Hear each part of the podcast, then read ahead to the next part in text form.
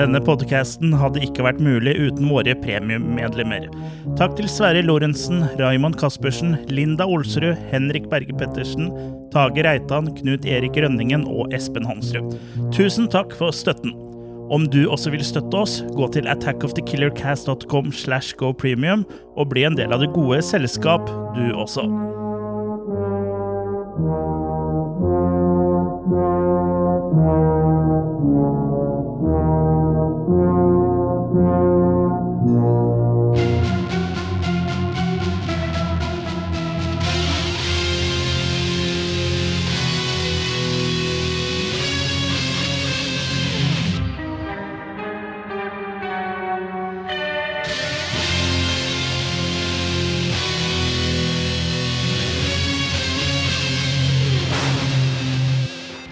Hei og velkommen skal du være til en ny episode av Attack of the Killer Cast. Takk. En podkast hvor vi snakker om filmer, da fortrinnsvis skrekk, kult, sci-fi, B, crazy komedier. er Egentlig alt vi, Vi, vi kan si ønsker å snakke om. det går lenger enn B.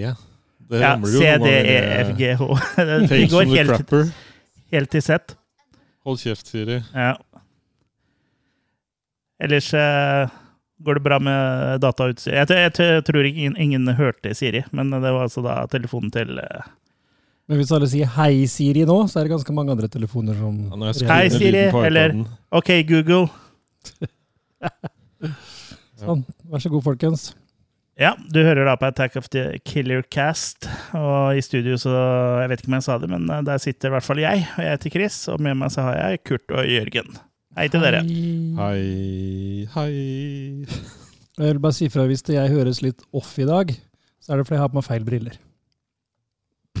Riktig. Jeg har jo tatt med jobbbrillene mine. Ja. Men høreapparata. Hæ? Ja. I dag skal vi snakke om eh, en film som vi egentlig har snakka om før, men vi har aldri, den har vært på, figurert på diverse topplister eh, vi har hatt. Eh, blant annet eh, Hjemsøkte hus, eller sånn eh, Jeg husker ikke helt om det var det episoden het, men noe sånt nå. Og Stephen King-episoden vår. Så, så har han vel vært nevnt ellers også, for eh, vi skal nemlig vie en hel episode til The Shining. Mhm. Og ikke nok med at vi skal snakke om uh, The Shining av Stanley Kubrick fra 1980, men vi skal også snakke om uh, miniserien fra 1997, Ja. uh, regissert av Mick Garris. Og så skal vi også snakke litt om boka, eller liksom sammenligne alle de tre sånn litt opp mot hverandre, da, uten at det er eh, noen original versus eh, remake eh, Nei. av den grunn. Men bare litt sånn, snakke litt om forskjellene. Det er jo rett og slett ikke noe remake heller. Så. Nei, det er bare en annen adopsjon. Ja. Så skal vi vel sikkert ringe uh, det faktiske Overlook Hotel og så spørre etter rom 217. Ja. For da svarer de med tre. Jeg skjønner, det har vi ikke. Nei, det er 237, det, som eh, de ikke har. Men uh, godt forsøk. Mm. Men uh, The Shining er jo en film som uh, veldig mange har et forhold til, og den er jo blitt analysert i hjel. Og det er jo så mye teorier, og det er så mange som har tanker om den filmen her, så vi kommer jo ikke til å liksom gå gjennom alt som fins på internett om den filmen her. Og hvis vi glemmer noe som du syns er veldig viktig, så Eller Ja. bare kommentere. ja, du kan jo bare kommentere men det er, sånn, det er umulig å ta for seg alt da, når det gjelder en film. her. Og jeg vet at det er veldig mye som jeg har lyst til å snakke om også, Uh, når det gjelder både film og bok og serie, men jeg kommer garantert til å glemme noe, og jeg kommer garantert til å bli irritert over at jeg glemte å snakke om det. Så det uh, hvis, kjære lytter, du er ikke alene hvis er, du føler at det er noe uh, viktig som har blitt utelatt. Mm. Men når det er sagt, The Shining er jo da hovedtemaet vårt i dag. Men som alltid før vi snakker om hovedtema, så pleier vi å ha en liten runde rundt bordet hvor vi snakker litt om hva vi har sett siden sist. Mm. Eller om det er TV-serier eller filmer eller eh, ja, whatever. Trenger egentlig ikke begrense seg til hva vi har sett heller, men uh, i hvert fall uh, sånn på. Mm. Men i hvert fall litt sånn innafor på en måte det vi driver med, da, om eh, populærkultur. Mm. Skal jeg børje? Det, ja, damene først. Damene først. uh, jeg har sett uh, gammel film. Stumfilm. Nei, ikke så, Gammel ikke så gammel, men eldre enn meg, så da begynner det å bli gammelt. Mm. Skal tilbake til 1965 og en film som heter I Saw What You Did. Uh, Regissert av ingen ringere enn William Castle. Og Han har vi jo vært borti før. Ja, 13 Ghosts-episoden vår. ja riktig. Ja. Han uh, hva- hva slags uh, sånn uh, um, Ja, da finner jeg ikke ordet. Gimmick? Gimmick er det Ja. han eh, har i denne filmen. Ja, det var det, da. Eh, Den er ikke så mye i filmen, tror jeg, men han hadde vel noe gimmick eh, i um, kinolokalet, uten at det er sånn ekstremt Ja, det er vel stort sett det han egentlig hadde. Ja, men han hadde jo i 13 Ghosts så var det jo gimmicken det der eh, at du skulle se med eller uten disse brillene, da. Ja. Så da fungerte det jo på en måte i, um, i filmen òg. Det kan jo hende at vi eh, faktisk sa dette her i eh, 13 Episoden, Ghosts-episoden vår, for der nevnte vi jo flere av gimmickene. Det var jo blant annet noe sånn strøm under setet og, og noen sånne spøkelser som fløy i vaier over uh, salen Stemmer og sånn. Ja. Mm. Jeg, jeg, jeg kan si noe om gimmicken òg, men jeg kan fortelle litt om hva filmen handler om. da. Gjør det. For det er to tenåringsjenter som skal ha sleepover. Eh, So far, so good. Ja da, absolutt. Men eh, etter hvert så begynner de å kjede seg, og da kommer den ene på den ideen at de skal drive med prank calls. da. Mm. Så de ringer rundt og sier forskjellige ting som de syns er morsomt, og den i andre enden reagerer enten med sinne, eller så er det noe som er til og med plays along, da. Hi, can I please talk to Mike Litteris? Ja, ikke sant? Klassiker der. What's up? Men i hvert fall så ender det opp med at de eh, finner ut at de skal si med sånn mystisk stemme sånn eh, I saw what you did and I know where you live. ja. Ja. Og det er jo selvfølgelig igjen da, noen som reagerer med Hva, hva er det du har sett? Hva? Folk har jo svin på skogen. Ja, det er liksom som samme folka som faktisk overfører penger eh, eh, når de får sånn mail om at, eh, Ja. at det er video av det, det er mens du onanerer til eh, pornosider. Er ikke det sant? Jo, det kan godt hende. Er det du som tar de pengene? Ja. Men i hvert fall så kommer de selvfølgelig til uh, en person som tar dette her virkelig til hjertet. For da viser det seg han har jo akkurat myrda uh, kjæresten sin. Mm. Ja. Så det hele ender jo med en sånn litt sånn merkelig uh, han, han røper jo selvfølgelig ikke det på telefonen, men han prater jo såpass mye med disse jentene at de blir interessert i hvem han er. Mens han er jo selvfølgelig interessert i å finne dem, for han tror jo at de har sett noe, da. ja, at de faktisk vet noe. Ja, Så det ender jo opp med en slags sånn jakt på hverandre, hvis du kan kalle det det, da. Mm. At de tror at de skal møte en høy, mørk fremmed som er mystisk og spennende. Og han tror han skal få se dem som da har tatt den på fersk gjerning. Ja. Så ganske spennende Det høres plott, spennende ut, det. Ja. Eh, Gaggen her, eller gimmicken, er jo at han plasserte telefoner og sånn i nærheten av eh, inngangen til, til kinolokaler som viste filmen. Ja. Og da kunne du ringe et spesielt nummer. Eh, og da fikk du høre da I saw what you did and I know who you are. Ikke sant? Men det som skjedde, at det her Det var så mange som brukte de telefonene, så linjene krasja hver gang, så det fungerte ganske dårlig. Så det var en suksess, da, med andre ord. Ja, sånn sett så var det jo en suksess, da. Eh, filmen i seg sjøl er vel, eh, ja Mest kjent er vel feil å ta i, men Joan Crawford spiller en rolle her. Ja. Eh, litt uvant å se henne i en nesten sånn tilsidesatt birolle. Hun gjør jo det meste ut av det. Hun spiller altså kalle elskerinna til han morderen, da. Mm. Eh, eller så er John Ireland med, han er jo sånn, sånn kjent tryne. Eh, men eh, disse som stjeler showet, er vel disse to uh, søte tenåringsjentene, som sikkert ikke var tenåringer når de spilte inn dette her. De er i hvert fall ikke det nå. nei, i hvert fall ikke nå, nei. Uh, men filmen er, eh, ja, som sagt, eh, et artig plott. Uh, Syns det holder på suspensen hele veien gjennom. Det er, uh, ja, rett og slett en eh, underholdende, om ikke så veldig horroraktig, og ikke sånn ekstremt spennende, kanskje, men allikevel nok da, til at du- sitter og trives med det du ser. Så eh, jeg havner nok på en eh, firer, jeg tenker jeg på I Saw What You Did fra 1965. Ja. Jeg kan jo ta over stafettpinnen jeg, før jeg gir den videre til eh, Jørgine. Ja, jeg har ikke så mye å melde, så det, dere kan beholde pinnene. Eh, Jeg nevnte jo i forrige episode at jeg hadde sett The Fall of the House of Usher, som er en Netflix-serie eh, som da kom 12. oktober. Jeg kunne ikke si så mye i forrige episode, fordi da hadde jo ikke sperrefristen eh, utløpt ennå, men det har den nå. Så da kan jeg jo ta så snakke litt om den. Den handler da om Roderick Usher og hans tvillingsøster Madeleine, eh, som har bygd opp et stort selskap, da, Fortunato Pharmaceuticals, Mm. til å liksom være det største og mest suksessrike legemiddelselskapet i USA. da. Eh, og på tross av at da tusenvis har eh, måttet bøte med livet eller bli alvorlig syke av å ha brukt eh, deres sterkt vanedannende medisiner, så har, liksom, har de aldri blitt, kunnet bli tatt på noe, da. Uh, Usher-familien har liksom alltid landa på beina. Ikke tatt på fersken heller. Nei, ikke tatt på fersken heller. Eh, Men når eh, barna til eh, Roderick plutselig dør etter en, dør en etter en på mystisk vis, så må han da ta et oppgjør med fortida si. Og der lusker luskere på litt sånn mystiske ting. Okay. Jeg skal ikke avsløre eh, hva det er, men eh, Mikkel Rev.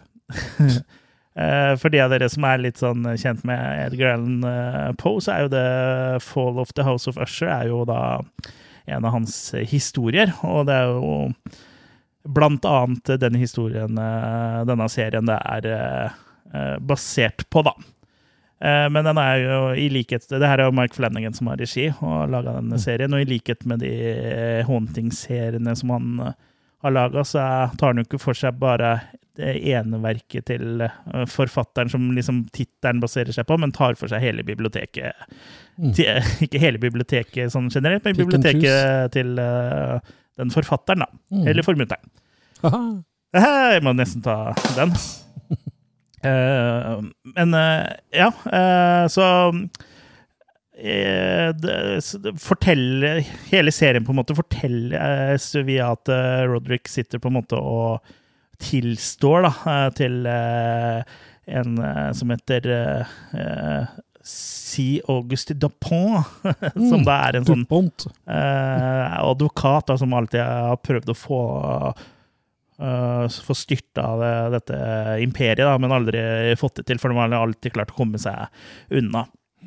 Og det, det er jo uh, også sånn eh, som den uh, novellen The Fall of the House of Usher også eh, er bygd rundt. Det er jo en samtale, mm. men eh, eh, i novella så er det eh, da med en eh, venn av Roderick, og ikke Dupin. For eh, Dupin er eh, en detektiv i noen andre eh, short stories som han eh, Poe har skrevet, da.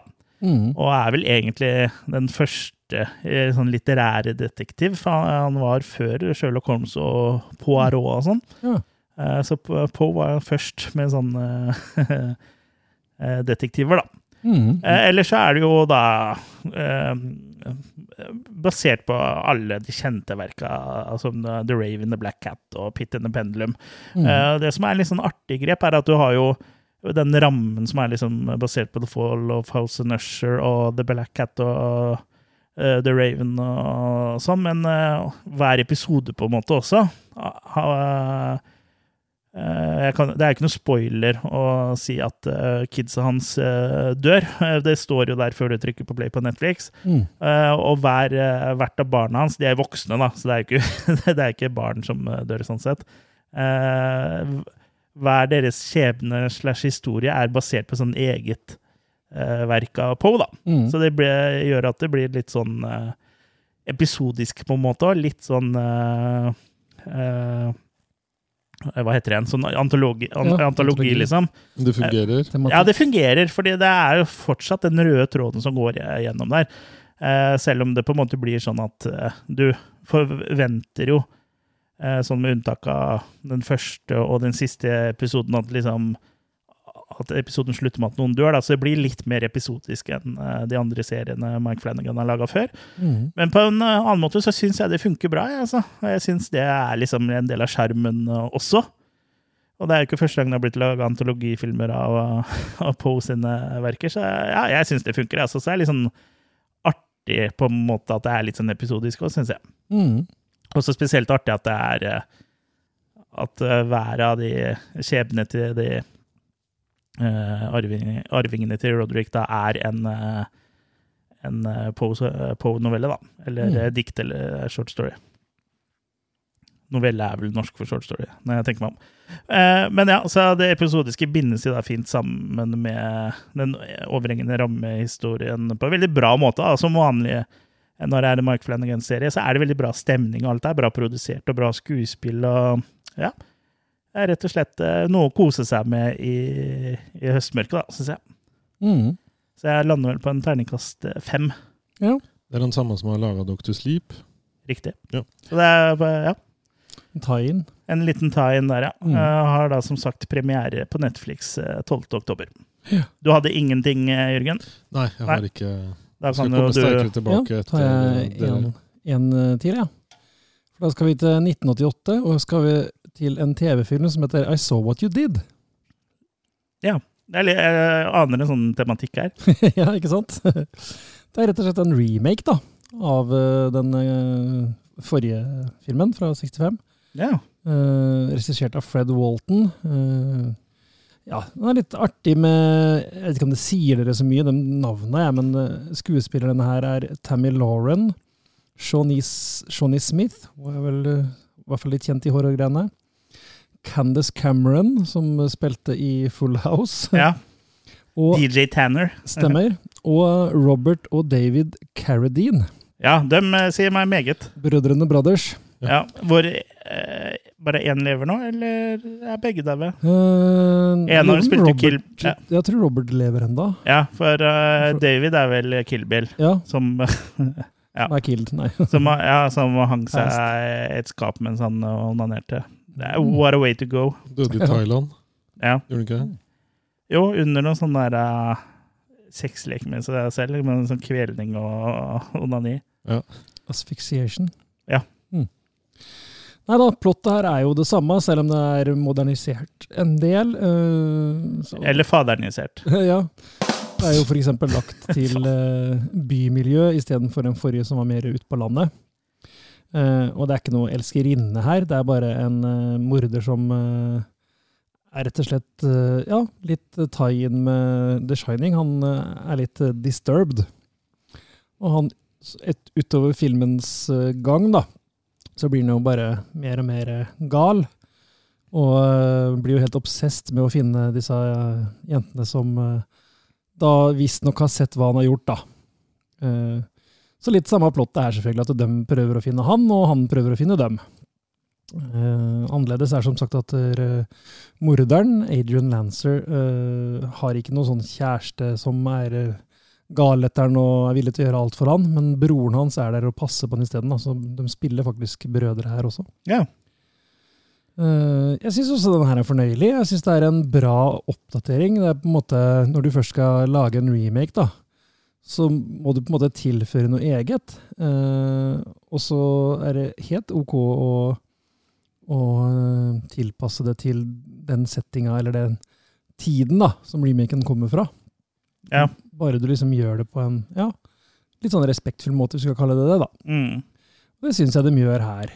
Eh, Robert Carradine gjør en fantastisk rolle som eh, insane. Eh, jeg kjenner den jo fra mye forskjellige filmer, men kanskje mest fra Revenge of the Nerds. Ja. Når han spiller sjefsnerden der, liksom. Med eh, spesiell latter og ja. Men han er mye mer enn det, da. Han uh, kan virkelig uh, briljere med, med ja, å spille gal, rett og slett. Så jeg tenker uh, I Saw What You Did, er fra 1988. Uh, på norsk så het den visst Farlig spøk. ja. jeg syns den var eh, koselig, den òg, så jeg kaster en firer til den òg, jeg også. Ja. Så kommer du over disse filmene, så er det bare å se dem. Hvis det er lov å si. Mm. Ja. Uh, jeg vet liksom ikke, jeg kan jo bare nevne den kjapt, for det, det har jo gått med veldig mye til å se. Jeg har jo sett The Shining, eh, selvfølgelig, både serie og film, og uh, sett Room uh, 237 og litt sånt noe. Men jeg har vi skal jo ikke snakke om den sånn her eh, egentlig i hovedsegmentet, så jeg kan jo nevne så vidt at jeg har sett Dr. Sleep da, også i forbindelse med eh, denne episoden. da. Et mm. gjensyn med Dr. Sleep da, og denne gangen her så så jeg Directors eh, Cut, som ja, var i nesten tre timer, tror jeg. Mhm. Jeg hadde bare sett Theatrical Cut fra før, men det er såpass lenge siden, så jeg husker jo ikke hva som mangla. Men eh, jeg ble jo litt sånn, når jeg først liksom hadde sett alt dette, så, eh, The Shining-greiene, og jeg i tillegg holder på å lese Dr. Sleep-boka, så jeg bare tenkte jeg, slenger på Dr. Sleep Directors Cut, og så jeg, jeg Slipper nå. lese, slipper å lese ferdig boka. Ja, nei, jeg tenkte jeg skulle lese den ferdig for det, for uh, Du kjørte ikke lydbok. det, er jo, det er jo litt forskjeller der. Mm. Eh, noen åpenbare forskjeller er jo at det refereres selvfølgelig ikke til eh, filmen uh, The Shining, sånn som det gjør eh, Eller he, Dr. Sleep-filmen refererer jo til det som skjedde i The Shining-filmen, Ja. mens boka refererer jo til det som skjedde i The Shining-boka, i Mm. sånne flashbacks og sånn. Men denne handler jo, Dr. Sleep eh, handler jo da om eh, Daniel, eh, eller Danny Torrance, mm. Mhm. som voksen. Og på en måte et eh, voksenlivet hans og trauma som han liksom må bearbeide i voksen alder. Mm. Eh, og han må jo Han eh, har jo nesten blitt litt sånn som sin far, en alkoholisert type, men eh, får etter hvert stabla livet eh, sånn eh, mer eller mindre på beina. Men da eh, blir han kontakta via The Shining av ei eh, jente som heter Abra. eh, som da, Abra. ja, hun er jo magisk, så det er sikkert derfor hun heter Abra. Mm. Eh, som da eh, trenger hjelp fordi det er eh, en sånn gruppe som heter True Not. Eh, altså um, Den sanne knute, hvis du oversetter det, da. Knutby. Ja, Knutby. Ja, det er, ja Mhm. faktisk. Eh, som da er ute etter henne. Og det her er jo da noe sånn gruppe med omreisende, jeg vil jo nesten kalle det eh, vampyrer, på en måte, uten at de er det. Men de, det de gjør, da, er at de eh, gjerne kidnapper eh, helst barn, eh, fordi der eh, er eh, dampen, eller steamen som de kaller det, ferskest, som da er egentlig det samme som shining, da, altså telepatisk evne. Og hun Abra har jo en eh, mengde av det som de aldri har sett maken til. eh, ja, det, disse folka her har jo holdt på i flere hundre år, for de Mm. holder seg da unge eh, Det er ikke noe kadabra. Ja, det er jo, det er jo litt det. Abra for hun er jo magisk. Ja. Kurt tok den vitsen for tre minutter siden. Okay. Velkommen etter. Jeg syns han var bra. Ja, det var det. Um, ja, så da må jo da um, eh, Da må eh, Danny, eller Dan, som han kaller seg i voksen alder, mm -hmm. hjelpe Abra med å um, eh, Overleve. med Ja, med å overleve, og rett og slett eh, bekjempe da eh, denne gjengen med Knuten, da. ja, True Not. Altså Ja. dampsugende Ja. eh, monstre. Eh, ja, jeg syns, eh, syns den er- her òg er veldig bra. jeg, altså, så det, jeg likte den her veldig godt. Jeg husker jeg likte den uh, kinoversjonen godt òg, men uh, jeg føler at jeg likte den her enda litt bedre. Men jeg vet ikke, vet ikke hva forskjellen er. Men det er jo i hvert fall en uh, halvtimes tid mer spilletid, tror jeg. Ja. Jeg husker heller ikke hva som var forskjellen, men det er vel bare litt flere scener ditten og datten. Og, Ja, sikkert litt Litt mer backst- litt mer ja. backstory, Mm. Vil jeg tro. Men eh, ja, jeg syns Dr. Sleep er eh, eh, fantastisk. Jeg syns kanskje den var terningkast fem med første gang jeg så den, men den gangen her så syns jeg at eh, det er en soleklar sekser for min del. og såpass. Ja. Men er den enda mer sånn fairytale-aktig, liksom? Det lille jeg har sett av sånne sekvenser og sånn? Med skauen og alt det der? Nei, det er ikke sånn- noe fairytale, egentlig. Men det, det, det går jo litt mer inn på hva ja, ja, ja. litt mer fantasy er det Ja. Men den forklarer jo litt mer liksom hva The Shining er, da. Mm. Mm. Og nå spørs det jo om uh, Stephen King hadde de ideene om hva The Shining faktisk var, og, og Den sånn gangen, den gangen, men han har i hvert fall utbrodert på sin egen law, og jeg Ja. syns det på en måte uh, funker bra, da. Mm. Ja. Dessverre så var jo ikke Dr. Sleep egentlig noe hit heller. Eh, Det er en veldig bra film, men den gjorde det ikke så bra, så den kansellerte jo. Og egentlig så skulle jo eh, Mark Flanagan lage enda en eh, The Shining-oppfølger, da, ikke basert på noen bok eller noen ting. Ok. Som da skulle liksom være i samme univers, da. Mm. Om det, det er jo ingen som vet hva den skulle handle om, men det er flere som har på internett som liksom har spekulert i om det skulle være en sånn eh, prequel med han eh, Halloran eller noe sånt. Nå, da. Ja, ja. Det er i hvert fall et univers som det på en måte går an å lage mer i, så jeg håper jo. Nå holder jeg som sagt på å lese boka. Lage en film hvor du ser hvordan alle dem som lev, lever, gåsetegn på Overlook, hvordan de havna der, liksom. Vi får Ja, nei, det var, det. var ikke det han hadde Jo, men det hadde også vært Det hadde også, ja, det blir jo 13 Ghosts-serien. Ja. Som det også ryktes eh, skal eh, komme nå. Mm. Uh, I form av den ideen som jeg nevnte i 13 Ja, ja. Ghosts-episoden vår. Mm. Som ikke er en veldig original idé å få, men eh, det er i hvert fall, hadde vært en kul serie, syns jeg. da. Sa ifra. We said it first. We said it first. Jeg er i hvert fall den første norske podkasten som har sagt det. Det er jeg ganske sikker på. Eller nå vet jeg ikke, for nå syns jeg det begynner å bli så mye mange filmpodcaster. Jeg Mm. syns annenhver folk som kommenterer på Facebook, har en eller annen filmpodkast nå. Men uh, vi Har holdt på i straks ti år. Vi var først. Nei, det var vi ikke, men eh, det var ikke så mange da vi starta, i hvert fall. Nei. Det var vi som definerte hva, hva det er. Ja, i hvert fall for oss sjøl, så gjør vi det. Men uh, har du lyst til å trylle? Trylle? Det var Ja, det er det, Ja, trylle terning på Sleep ga vel jeg en femmer i sin tid, og jeg står inne for den. altså. En Veldig bra film, det. Ja. Nå har jeg liksom fordypa meg sånn ekstra i det eh, universet her, i og med at jeg leser det og sånn. Så det, ja, det har blitt mye i det universet. Så da blir man litt sånn ekstra glad i det. Ja. Um, Skal vi fortsette i det verden der, da? Ja. Eller, eller har du mer på tapetet? Jeg tror vi fortsetter den eh, verden her, for jeg har ikke så veldig mye mer eh, på tapetet, faktisk. Så vi kan jo bare hoppe rett i det og snakke om eh, The Shining.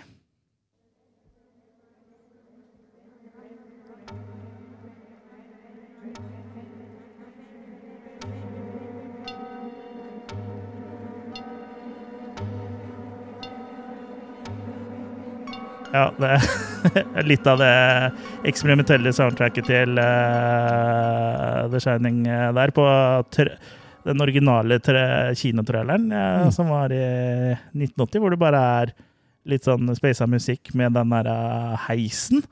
Og så kommer blodet liksom ut av heisen på slutten av uh, traileren. Så veldig sånn mens det ruller Mens, en rulletekst Mens det ruller en rulletekst liksom over eh, skjermen om hvem som eh, spiller inn eh, filmen, og hvem som har regissert den, og hva filmen heter. Så det er veldig spesiell og litt sånn Ja. artsy trailer. Mm. Jeg tror vi, vi har sikkert Jeg tror vi har diskutert den, oi, den traileren før også, i de andre gangene vi har tatt for oss um, The Shining.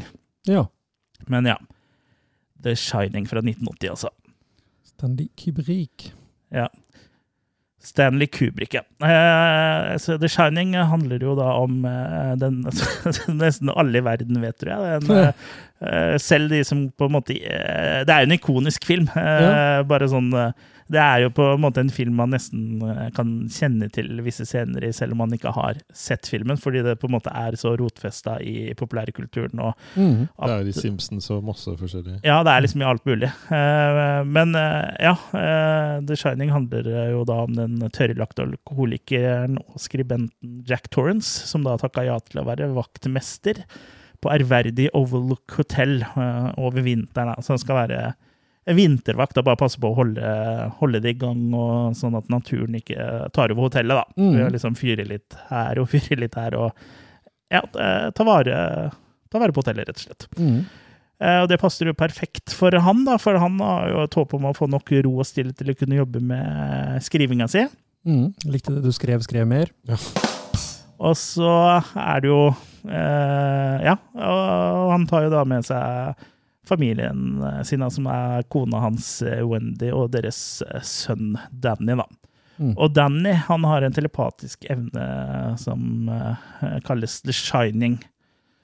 Eh, Og midt på vinteren, da, eh, under et opphold her, så blir de snødd inne, og så klikker det for eh, godeste Jack. Far? Mm? Ja, Det klikker for far. Klikker for far, ja. Og er det da brakkesjuke eh, som har fått det til å klikke for han, eller eh, er det rett og slett noen andre krefter som påvirker den?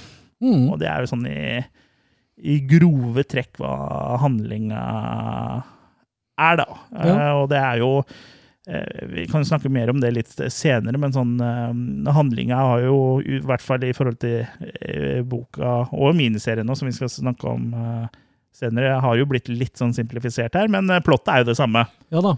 Mm. Og jeg syns egentlig den norske tittelen her også sier ganske mye om filmen. Ondskapens hotell. Ja. Ondskapens hotell. Ja. Den legger jo litt mer føringer på egentlig eh, hva som skjer. Ja. Eh, For det er jo litt sånn Litt sånn tvetydig om hva som faktisk skjer med Jack da, i Ja. den filmen her. Men én ting vi kan være i hvert fall Noe det The Shining i hvert fall er, er sånn veldig kjent for, og er jo at det er jo en veldig stemning og atmosfære i den filmen. Ja, Det er det. det er jo både bare det med snøen og kulden og den isolasjonen lager jo en setting som Kubrick klarer å male som både ja, klaustrofobisk og rett og slett eh, skremmende, da. Du føler virkelig at de er isolert på det hotellet. Ja. Ja. Eh, Og det blir stadig mer eh, uhygge da, etter hvert som uh, eh, handlinga går videre. Skrider frem. Ja, skrider frem. Både med eh, hvordan Jack endres, eh, men også hva kona må oppleve å gå gjennom. Ja. Og så er jo Danny på sin egen lille kall reise der, da. ja. Med alt fra uskyldig lek til eh, hans syner og Han er jo sånn joker, på en måte. Du vet Danny? aldri helt hvor de har den. Nei. Nei, på en måte.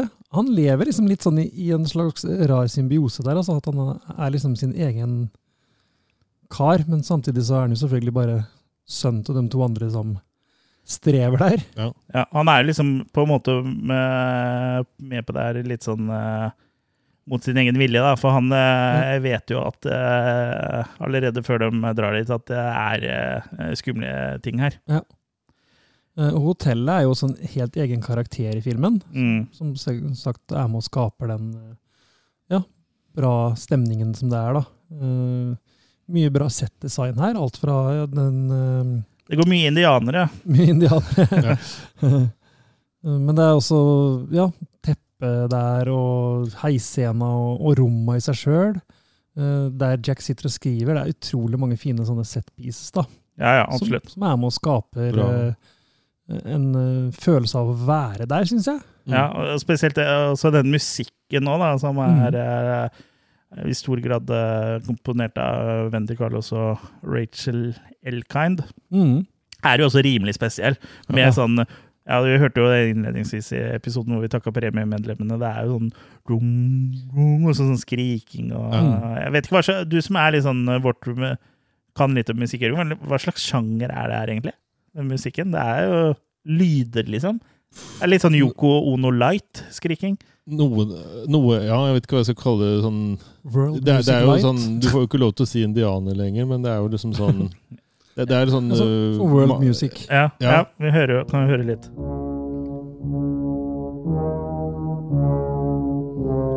Det der høres ut som sånn steelpan, nesten, bare at det er synt. Ja, og så er det mørke Er det moll det heter? Jeg, jeg kan Ja, ikke ja, noe musikk. jo, ja, ja, det er jo De har lånt moll. til John Carpenter, i hvert fall. Ja. Ja, Det er nok en Moog. Ja. Ja, det er nok ut. Men bare det liksom starten på øh, filmen, sånn um, apropos stemning bare Det er med helikopterbildene og den ikke øh, det noe sånn- som kjører oppover uh, Skråning, alt det ja, til den musikken der, er jo Men jeg mener tonene er noe sånn fra noe sånn dødsstykke eller et eller annet sånn. At det er dødstoner eller et eller annet sånt, Ja. mener jeg. Er det sånn uh, Great, Grateful Dead uh, Greatest Hits. ja. sånn pentatonisk eh, skala-opplegg, Ja, ja det, er, det er noe sånn Mm. Ja, et eller annet. Tonene fra Penthouse. Ja. Mm. Og så er det jo, den stemninga her, den gjør jo også at det, ting eskalerer jo. eh, Og det er jo stemninga også med på å drive videre, på en måte, da. Mm. Det er liksom noe som er off hele veien her.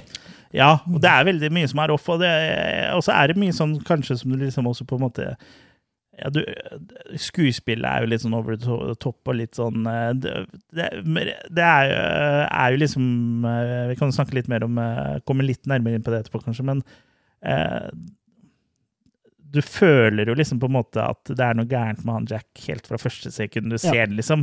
så Absolutt. ja, He's got og the look. Ja. Og så har han spilt i One Flew of Early Cuckoo's Nest i forkant òg, for dem som kjenner den. ja, Det ja, så det er forrige filmen med Sony, liksom. er egentlig samme Ja. univers. Men selv når du ikke har eh, sett den nå, så er det liksom eh, Ja, det er litt, er litt off. Men en Mm. annen ting også som er litt sånn kanskje underbevisst uh, lager litt sånn eh, skummel stemning, er jo at eh, at det er, det er mye store bilder der, så liksom Mm. menneskene på en måte blir små da, i, i bildet, som da igjen eh, er med på å bidra til den, eh, at du er liten og alene, Mm. på en måte. Isolert. Samtidig som du liksom er isolert. Det er jo liksom katt og mus i en labyrint. Ja, Ja. og, og det, det som liksom Kubrick han, han gikk jo litt sånn inn egentlig for å på en måte gå imot alt det som horrorfilmer var, når han først skulle lage en horrorfilm. For det, alt skjer jo i lyset her. Det er ikke mørkt, liksom. Det er ikke en scene som er mørkt, og det er ikke noen jumpscares eller sånn nærbilder av noe. Alt, det er liksom stort sett store bilder. Og eh, brukt mye steadicam, da, som også Mm. var relativt nytt. eh, Det var vel stort sett kanskje bare halloween. eh, i 1978-79 som hadde brukt, uh, brukt det, i hvert fall i, i Det horror, ble da. vel nesten oppfunnet, den, Ja, sånn delvis. ja, så han brukte jo mye eh, steadicam her, som også på en måte gjør at du på en måte blir litt mer med i handlinga, da. Ja, og så er det ikke så mye som er sånn overforklart, på en måte. Det bare skjer ting, og det er helt greit. Kubrick er ikke så glad i å overforklare ting. Han, Nei, det eh, er helt greit, det. Han forklarer egentlig ingenting, og det er jo kanskje en av grunnene til at den filmen her på en måte da er så omdiskutert også, og Mm. har så mye sånne eh, konspirasjonsteorier og sånt. Vi skal snakke om våre favorittkonspirasjonsteorier eh, Ja. litt senere. Mm. Det er jo Men- mye sånne flytende kamerabevegelser. her. Kameraet er veldig ofte, eller veldig sjelden helt i ro òg. Ja. Men når det er i ro, så, så er det i ro, selvfølgelig. Ja. så, men eh, Ja, det er jo Ja, det er liksom eh, Du føler at du Når det er brukt så gjennomgående som det, så føler man at man liksom på en måte er med i handlinga. mm, Så, så har jo du de der sykkel, eh, trehjulssykkelturene Mm. eh, til han eh, Danny. Det må også gjør jo at vi på en måte er akkurat som vi er kamera og på en måte følger etter Ja. og får utforska bygget. da. ja, du blir Sånn, kjent med bygget. Ja. Mm. Mm. Det er også en sånn smart ting. Og så er det, det er lange kjøringer, så du liksom bare venter på at noe skal skje. ikke sant? Mm. Uh, lange kjøringer har jo dobbelt betydning her. da, Både han som kjører i gåseøynene på sykkelen, og kameraet som følger etter. Ja. Da handler det litt om eh, ja, Det er jo sånn som det har lest meg litt i, da, om skjebnen. da, At uh, mennesket er fanga i sin egen skjebne. eh, og den tar ikke dem noen spesiell vei, du bare går i sirkler eller er i limbo. da. Ja, Og det er jo litt den der kamerakjøringen med den sykkelen, som du sier. At han bare Ja. sykler rundt og rundt og rundt. og rundt. Da. ja, Det er flere ting i filmen som egentlig er, eh, går i litt sånn limbo og på en måte. Eh, Mm. Slutten, blant annet, det kan vi snakke om eh, Etterpå, etterpå. Det er jo en av de få tingene som Kubrick faktisk har Sagt uttalt seg om. Mm. Eh, han er, så det, men eh, ja, også i tillegg så er det sånn eh, Kubrick er jo en perfeksjonist, da. Eh, så det, han, eh, jeg vil jo tro at eh, eh, når det er sånn kontinuitetsfeil, at det er på en måte bevisst. Eh, For det er blant annet en scene hvor eh, mm, Wendy er og eh, snakker med Jacken på det store rommet han sitter og skriver i. Mm. Og når du da klipper fram og tilbake mellom dem, så er det en sånn stol som står uh, bak eh, Jack. Mm. Og så klipper jeg til henne, og så klipper jeg tilbake, og så er det den stolen borte. Og så klipper jeg tilbake til uh, Wendy, og så klipper jeg til Jack igjen, og da er stolen der igjen. Mm. Og det tror jeg er gjort Uh, med Det har vært, tror jeg har vært bevisst, da. Mm. Ja. At han har fjerna den i noen takes. og sånn så er liksom at ting liksom, Da får du sånn inntrykk av, sånn som det er på spøkelseshus, at ting flytter på seg. Mm. For en person som liksom tar uh, 100 takes av en scene og er sånn skikkelig Mm. petimeter perfeksjonist, han gjør ikke en feil der, altså. Det er jeg ganske sikker på. Det kan jo også være et slags bilde på at de har hver sin litt forskjellige realiteter oppi der òg, da. At det er sånn der ubevisst tanke om at der, eh, i hans verden så er stolen men i hennes er den ikke der. Eller? Ja, det kan godt tenkes, Mm. men da, det er jo på en måte i samme bilde som stolen eh, er, Ja, ja. på, så da burde det liksom vært en sånn Men eh, jeg, jeg, tror- jeg tror bare er for å lage muligens bare en sånn eh, For å bli litt sånn eh, Ubehag. Mm. Ja, at, at eh, man, selv om man ikke legger merke til at noe er off, så eh, legger underbevisstheten merke til det. da. Det hadde vært gøy om man bare rett og slett hadde rett seg ut òg. Ja, det er jo fort uh, mange som driter seg på kontinuitetsting, så det er jo ikke helt umulig. Men eh, p- p- det, det som er da forskjell fra andre filmskapere og når det skjer i en Kubrick-film, er jo at uh, folk leter etter forklaringer på det. ja, det Så det kan ha vært noen som bare tok den stolen. Han, han slipper unna med det meste, sånn sett. ja. Ja, for liksom hos andre er det liksom en goof, mens hos Kubrick så er det liksom er mening. Så det kan hende, men liksom holder- Jeg tror ikke det, men eh, det kan selvfølgelig Vi holder hende. dørene åpne for begge, begge versjoner. Vi holder, dører, vi holder heisdørene åpne, for å si det Mm. sånn. Men eh, Vi Prate litt om hvem som er med her, da, eller? ja. Ja. Skal vi se. Jeg bare tenkte jeg skulle ta det etterpå. Bare sjekke det. Jeg mener at filmen har en, verdensrek- en Guinness verdensrekord i antall innspillinger Ja, av sånn, ja. én scene. Ja. ja, det skal vi snakke om vi eh, litt senere. Ja. Ja. Mm. Eh, ja, uh, dem som er med, Uh, det burde jo være kjent for de fleste hvem Jack Nicholson er, Mm. som spiller Jack. Han har jo blant annet skuespillerkurt. Han er så dårlig skuespiller, han må ha sitt eget fornavn som navn på karakteren, og hvis ikke så glemmer han hvem han er. Ja. Han heter Jack i alle filmer. Da. Ja. Jack er veldig typisk amerikansk navn. da. Ja da. Eh, kan vel hende boka ble skrevet med det navnet før han ble valgt som skuespiller. Ja, og som vi kommer litt eh, tilbake på, så eh, hadde eh, forfatteren hadde, eller formutteren hadde jo absolutt ikke valgt han. Nei. Hvis han kunne velge. Så det var nok ikke med Jack Nicholson i tankene han ble skrevet, i hvert fall. absolutt ikke. Um, Jack Nicholson har jo vært uh, blant annet i filmer som Easy Rider, Chinatown, One Flew Over to Cuckoo's Nest og Batman. Um, videre så har vi Wendy, som da er spilt av Shelley Duvall. Mhm. Hun eh, var blant annet med som Olivia i Skipperen, Mhm. der hvor Robin Williams spilte sammen. Det var vel rett etter den her. Ja. Og du får ikke to mer forskjellige roller enn de to der. Nei, og så, si. er hun aktuell med film nå, i år, da. The Forest Hills. Ja, for å ha gjort et lite comeback. Mm. Hun er eh, Jeg kan vel ikke si at hun på en måte var eh, For å være litt overfladisk her, at hun var noe sånn skjønnhet da heller. Men hun, hun ligner ikke på seg selv eh, lenger. Hun har blitt en gammel dame. Men eh, det er, så, det er jo en stund siden dette her, da. Eh, Jack Nicholson nå er jo dement nå, tror jeg. Oh. Jeg tror det, han har trukket seg litt unna. Mm. Ja, Det går rykter om at han er dement. Han var vel nylig på noe sånn basketball... eh, ja, ja. eh, en basketballkamp, og da liksom første gang han har blitt fotografert på noen år. Men det er klart, eh, folk blir gamle, la dem få lov til det. Var han med på den der The Voyage of Dementer? Den har fått litt hard medfart, eh, å se. Men uh, Stephen King likte den. Ja, det Ja. gjorde Mick Garris òg. Ja, da liker sikkert vi den også. Absolutt. Så har vi Scatman Crothers, som spiller eh. Halloran. Begge Ja. dem er døde. Både Scatman uh, Ja, han Scatman døde vel to, fi- to, tre, fire år etter, eller noe sånt nå? tror ja. jeg. ja, jo, men han eh, andre Scatman, Scatman også. Jack. Ja, Ja, Scatman John. Scatman Jack er broren. ja. Så begge de er døde. Mm. Eh, han har vært i Gjøkeredet, tror jeg jeg kunne lese meg fram til. Ja. Og videre så har vi da Delbert Grady, spilt av Philip Stone, som da har vært med annet i en annen av Kubricks eh, filmer, eh, Barry London og ikke minst eh, Clockwork Orange. For han var vel litt glad i å bruke folk på nytt, han òg, ja? Ja, var, eh, ikke sånn hovedrolleinnehavere, kanskje, men litt Ja. sånn eh, eh, i andre roller. Som typer, liksom. Ja. Det var vel ikke så mange eh, som var, av hovedrollene kanskje som var glad i å jobbe med han. Så det ble kanskje ofte med en film. De som fikk mat, de ble med på neste runde. Ja. Jeg tror kanskje på en måte det var greit med en Kubrick eh, i små doser. Hvis du Mm. liksom var på sett kanskje én-to dager, og så var det noen dager eh, imellom.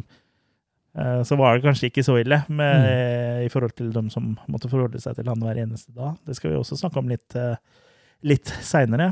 Ikke veldig seinere heller, men om noen få minutter. Så bare hold, eh, hold, Hold deg fast linja. i setet. Hold linja. Ja. Tror du Kubrik hadde sånn Rubiks kube? Han hadde Kubriks kube. Ja, Kubriks Rubiks kube.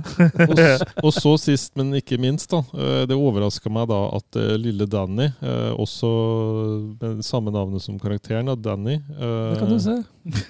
Danny Lloyd, han hadde altså faktisk debut med den filmen her. Mm. Skuespillerdebut er ikke seksuelt.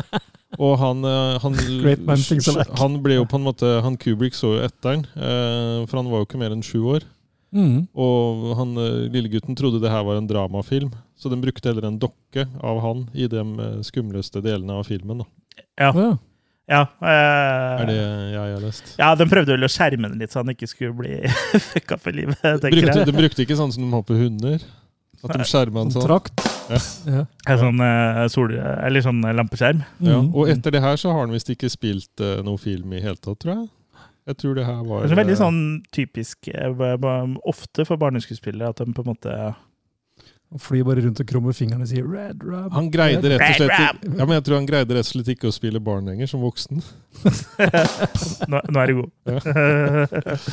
Barneskuespillere er liksom 50 år og spiller liksom bare Ja, hva heter han? Ser, Han kommer med sånn bolleklipp, men så er det skalla på toppen. Så Han han bare sånn broder eh, sånn. Han Nei, jeg tenkte tenkte på ganske- mye eh, eldre enn den. Jeg husker ikke jeg hva han heter, eller selvfølgelig. Han eh, amerikanske Broderick Matthew. Mye, mye tidligere. Sånn sort-hvitt-filmtype. Han var jo vel barnestjerne til han var 50, tror jeg.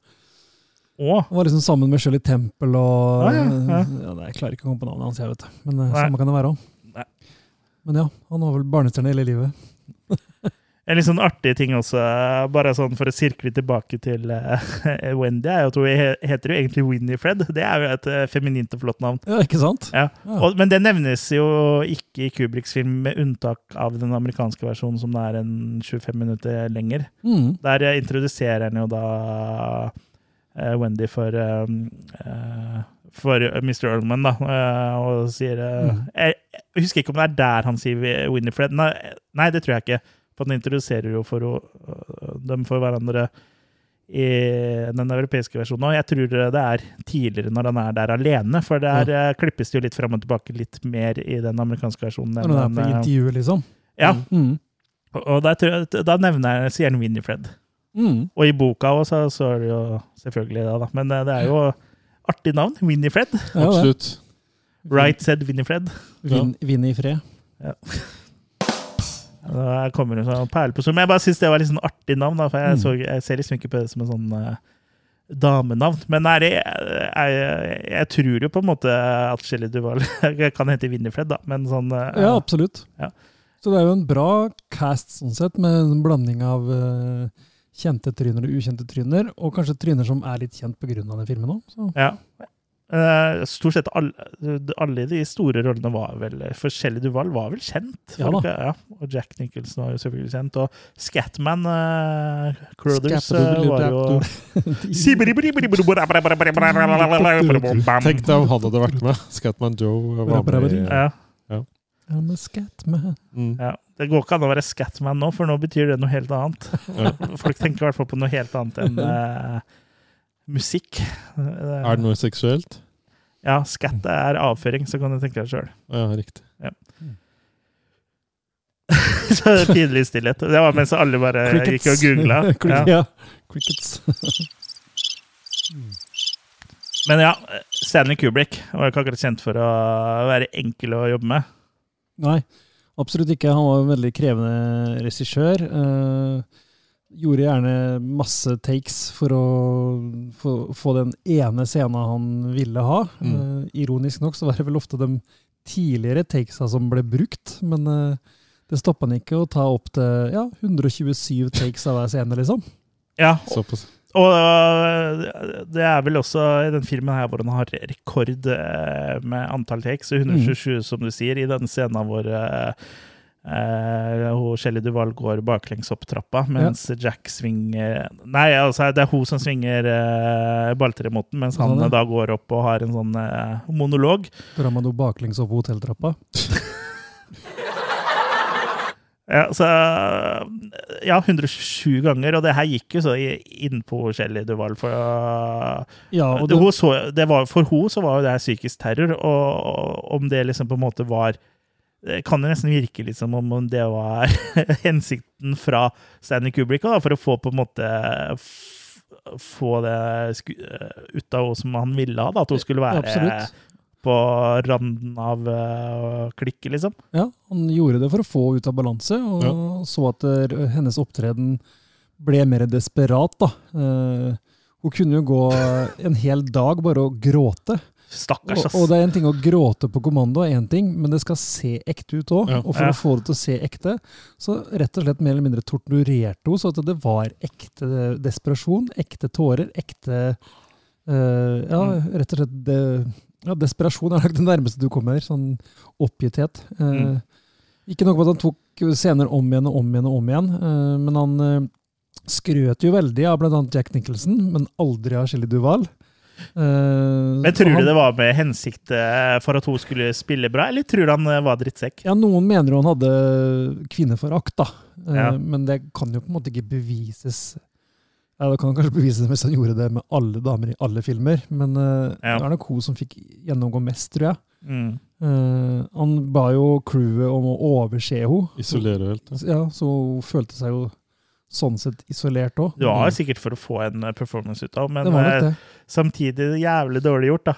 Ekstremt. Ja. Eh, Jeg håper på en måte at hun har innfinnet innfunnet seg med det de senere åra. Ja, det, det som er litt sånn, det er en slags form for ironi her, at når filmen var ferdig, så hadde ikke hun annet enn godord om ham. Eller Nei. godord er å ta i. Hun var bare glad for å ha overlevd. Altså. Ja, men hun gikk aldri i etterkant rundt og, og badmoutha Kubrik.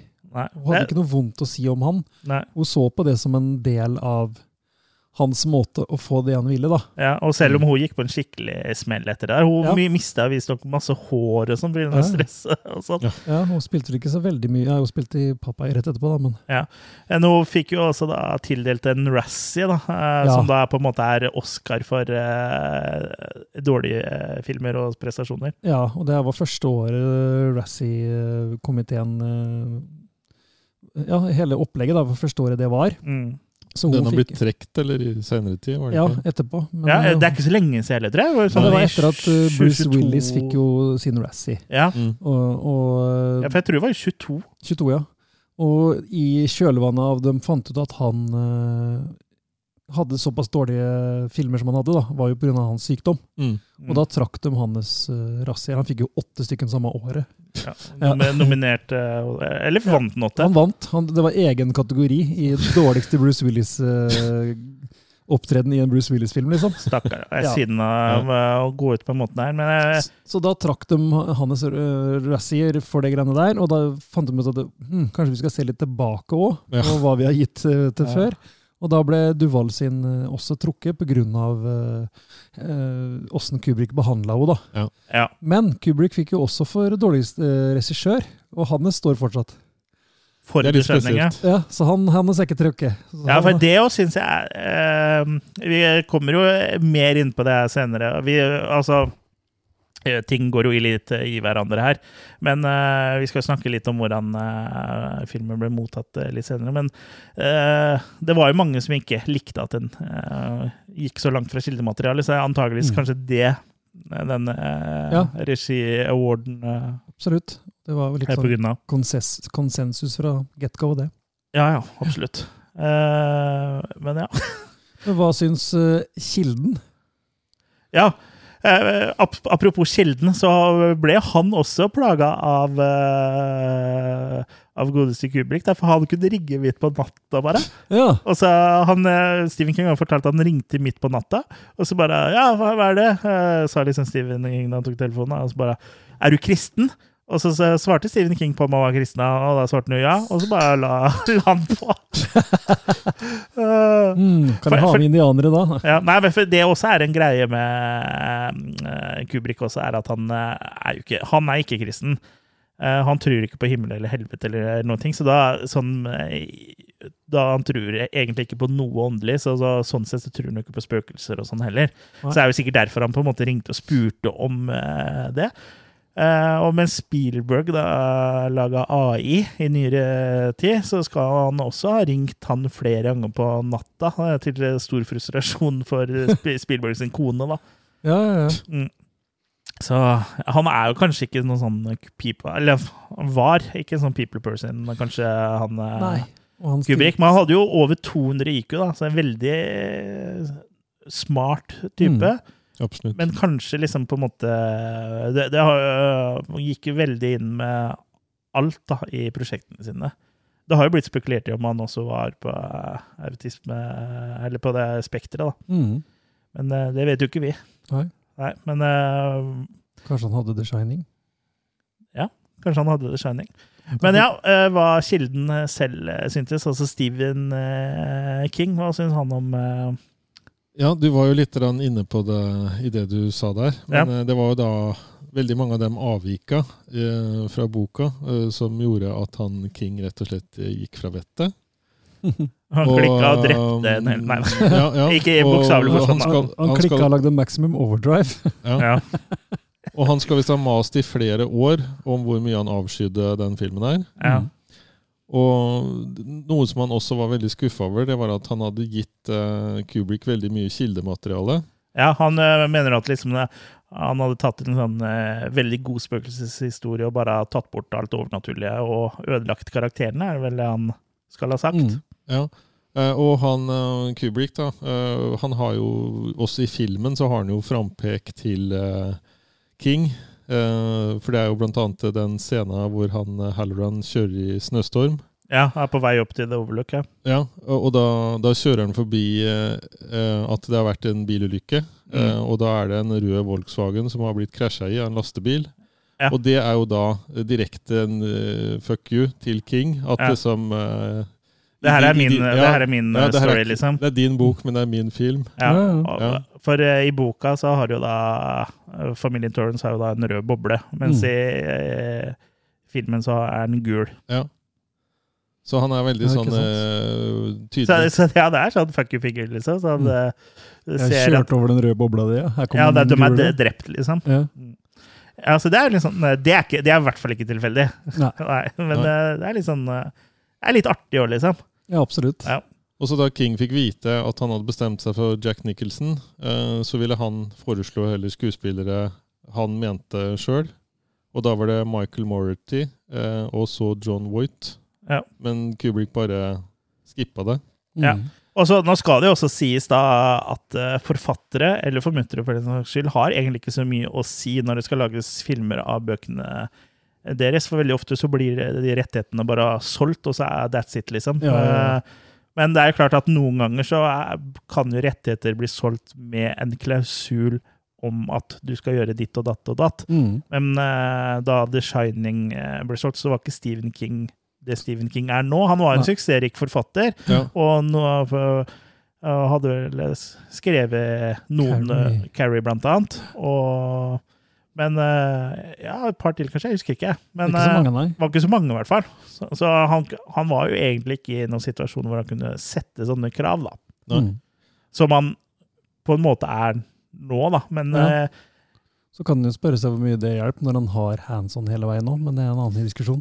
Ja, jeg tenker at det er jeg, Sånn som jeg har fått inntrykk av Stephen King, så er han egentlig ganske flink til å ikke blande seg. Det er i hvert fall det han har sagt i intervjuer, og sånn at det er lurt å bare la de kjøre sitt eget løp. Men her følte han kanskje at liksom på en måte essensen i historien ble borte, da. Mm. Men samtidig så kan jo det også øh, sette litt skyggelapper øh, for filmen også, at du blir for opptatt av at den ikke er lik boka, så du kanskje ikke ser de andre kvalitetene. Mm. Men Han har jo, han har jo kommet litt øh, Han har jo på en måte Han er ikke like sterkt øh, Han like, misliker han ikke like sterkt nå lenger. Det hjalp nok at han fikk vært med å lage sin egen versjon, tenker jeg. Ja, altså har han jo sagt også at det å la liksom, Dr. Sleep, på en måte, Mark Flanagans eh, Dr. Sleep, var på hjalp han med å liksom på en måte godta The Shining, da. Mm. Mm. For der gjorde de jo et, eh, et valg med at alle flashbacks er jo til The Shining-filmen. Mm. Eh, Stephen King var jo egentlig litt imot det eh, når Ja. de skal lage Dr. Sleep, men altså, de kunne jo ikke hatt flashbacks til en film som ingen har sett, eller liksom. For, det måtte, for det her er en oppfølger til The Shining, og da Ja, Mm. du, du, skjø- du er skjønner greia. Du kunne jo liksom ikke på en måte eh, Når det, de viker så mye fra boka, så hadde jo Mm. Du kan jo ikke ha flashbacks til noe som ikke har skjedd, på en måte. Nei. Nei, Han syns jo ikke noe om uh, Jack Nicholson sin, sånn, sin performance, på en måte. Eller han syns jo at han kommer gal allerede. Han er psyko... Ja, han er psykopat allerede. Ja. Ja. nå kan jo det forsvares med at han er faktisk en recovering alcoholic. At der, eh, han Ja. har vært gjennom såpass i livet at der han allerede er off, da. Ja. Mm. Men uh, det er Men- ikke sånn progresjon som Nei, Det er jo ingen progresjon på det. Eller det er litt, da, er men litt. eh, på en måte eh, er, I forhold til eh, boka, da, Ja. kildematerialet, eh, så er det jo lite progresjon, Ja. da. For der, går, der har han jo et veldig sterkt ønske om å bli Gjøre det godt, ja. gjøre det godt. Og det, Mm. det er liksom derfor de også er isolert på hotellet. Det er ikke bare for å jobbe med skriving. Ja, de sier jo aldri i filmen hva han eh, skriver, men i boka så er det vel eh, et stykke, tror jeg. Altså et teaterstykke. Mm. Eller eh, et play. Det er jo et teaterstykke, det er det ikke? Ja. Mm. Men eh, etter hvert så blir han jo mer oppslukt av historien til hotellet og sånt. Mm. Og Og det ser vi jo ikke så mye av i Kybrik sin variant. Nei. Nei, det, det er jo ingen eh, Nei. Nei, det er liksom Du ser på en måte ikke at hotellet på en måte påvirker han så mye.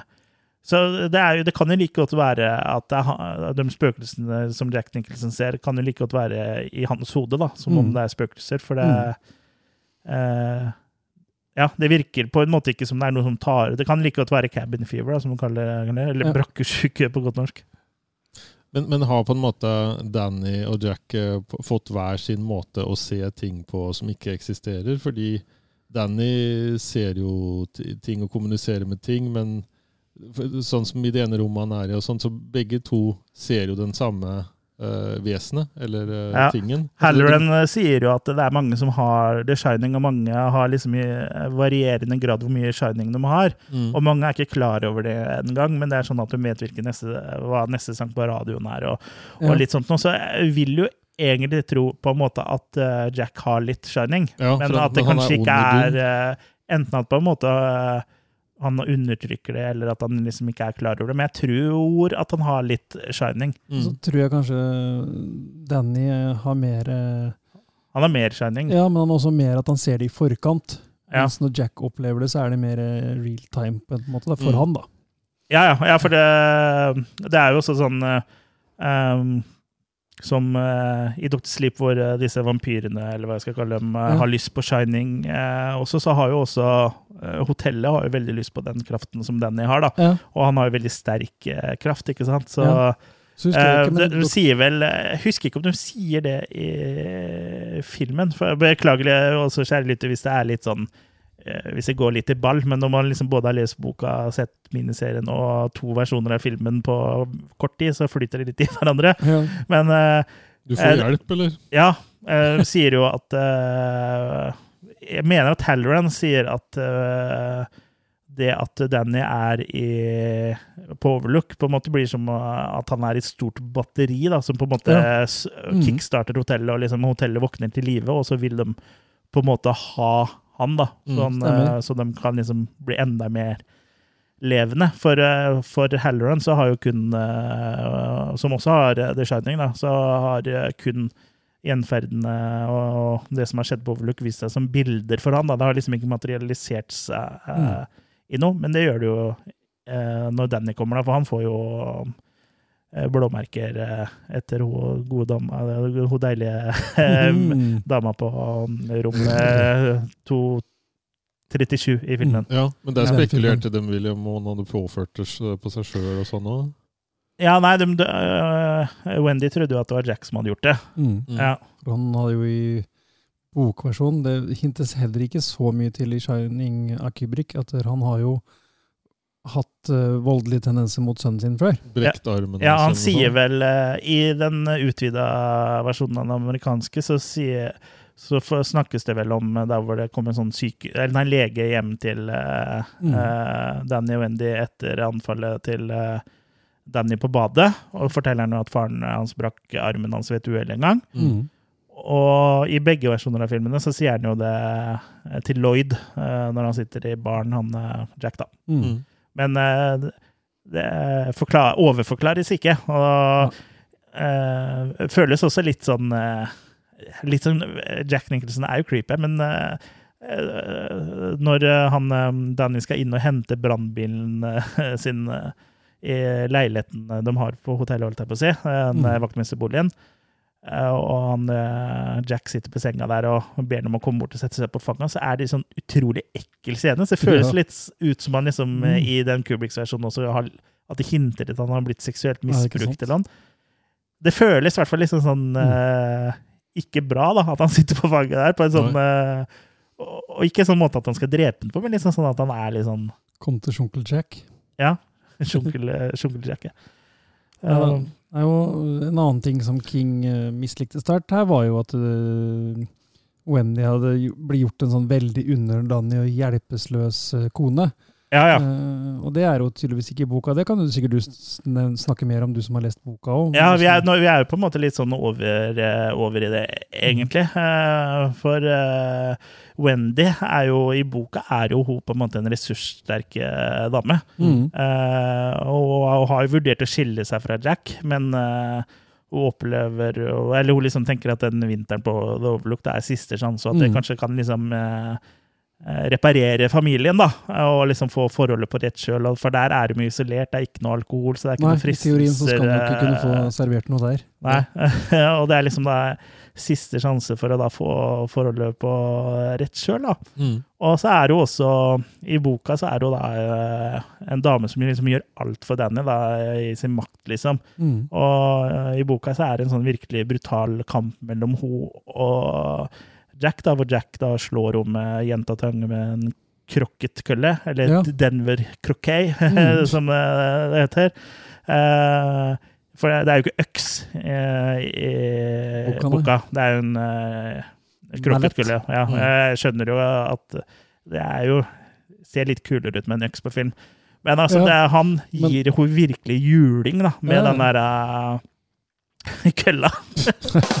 hvis, jeg, hvis jeg er lov, lov å si. Og hun kjemper imot eh, liksom, med nebb og klør, liksom. Og, og ja, hun klarer å brekke ribben og klarer ikke å gå. Det er, er liksom eh, Hun gjør alt da, for at han, ikke skal få tak i eh, Danny. Så det er liksom langt fra den eh, Wendy som du ser i filmen, som eh, mot slutten av filmen, etter han Jack har eh, slått inn døra på badet, så løper jo bare opp og ned etasjene sånn med Mm. kniv i hånda og sånn der slappe armer, liksom. Mm. Uh, så ja, jeg, det er liksom en av de største grabsene jeg òg kanskje egentlig har sånn Jeg, sy- syns jo filmen er meget, meget bra, og det er jo en klassiker for en grunn, liksom, men hadde jo kanskje skulle ønske at kanskje Wendy ikke var redusert til eh, så offer, da. Mm. Og så eh, kan vi jo si hva vi vil om eh, Shelly Duvall, men hun beskrives jo da som eh, blendende vakker og blond da i boka. Ja.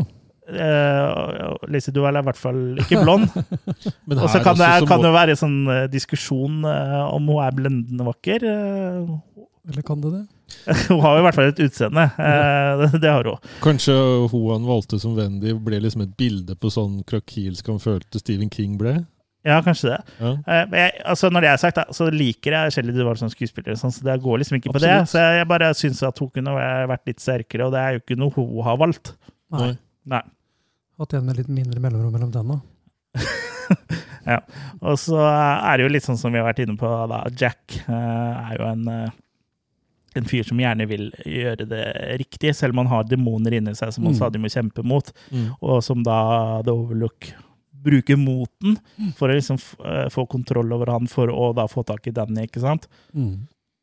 Og han, eh, har jo, han lever jo med dårlig samvittighet for at han dro Danny i armen eh, når han hadde søla over papirene hans og sånn. Så, og han jo også, har jo også mista jobben eh, fordi han hadde banka opp en eh, elev på skolen Ja, han jobba fordi hadde skjær, den eh, eleven hadde skåret opp dekka på bilen hans. da. Mm. Eh, Så hans gamle drinking buddy Al, da, som han liksom var Alcoholic.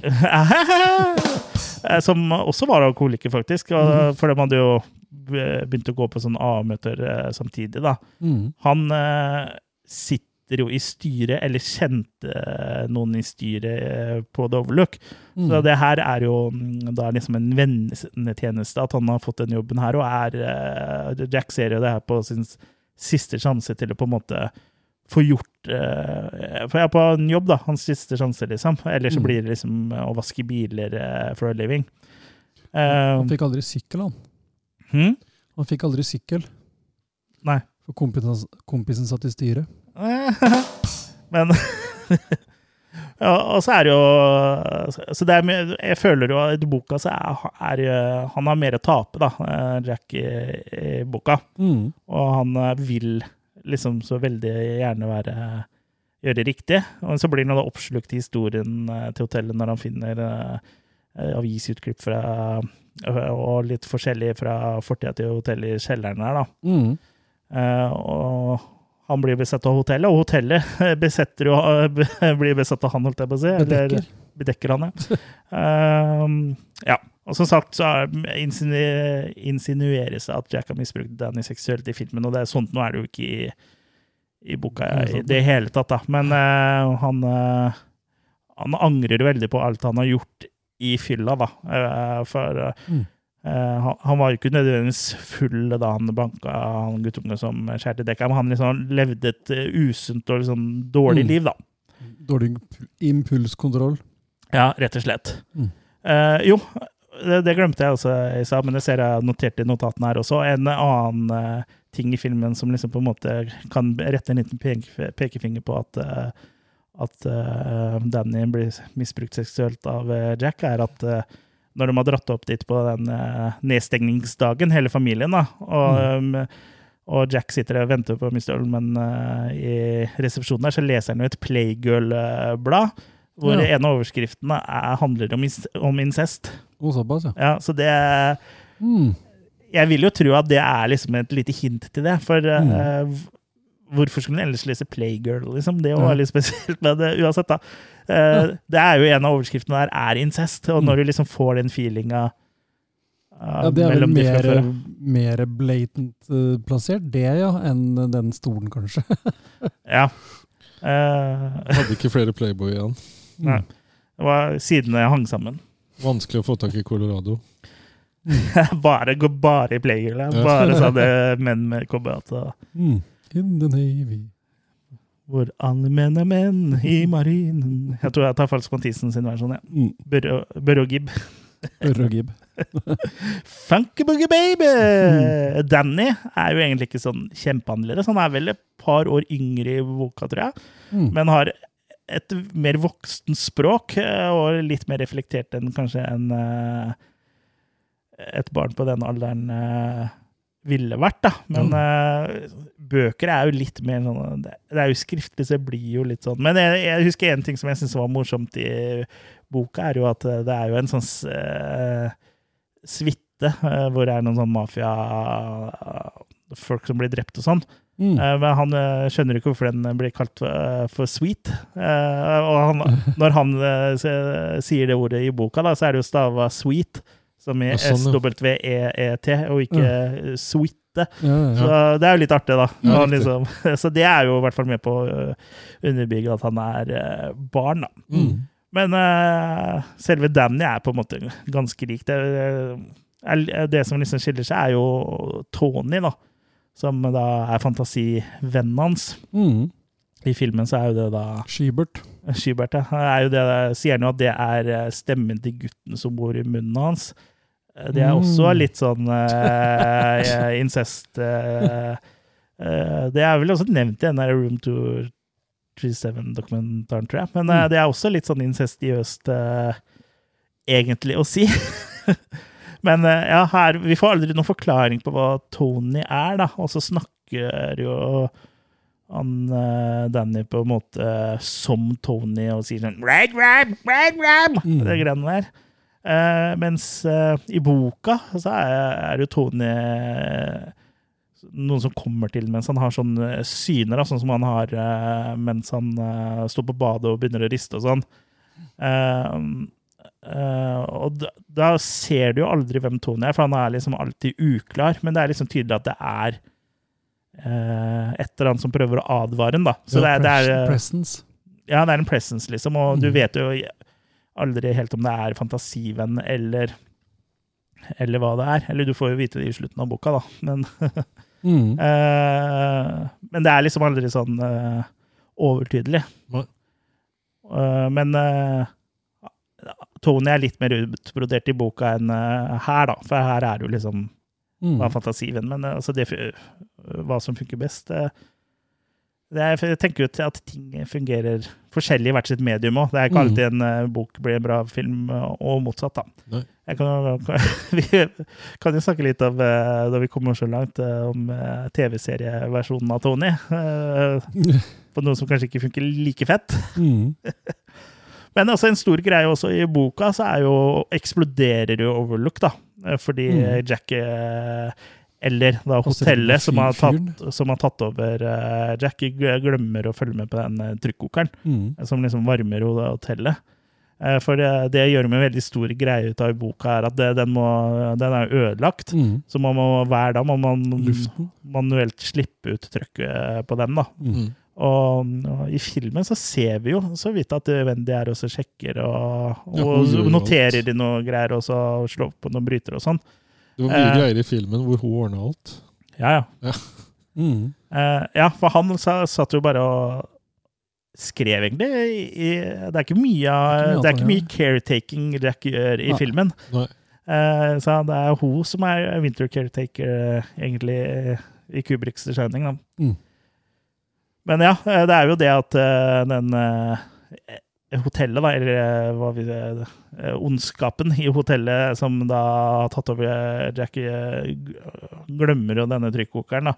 Og det er jo derfor på en måte Wendy og, og Danny får rømt også, for da blir jo Jack, det som en gang var Jack, opptatt av å prøve å, å få tømt eh, Letta på trykket, er på trykket.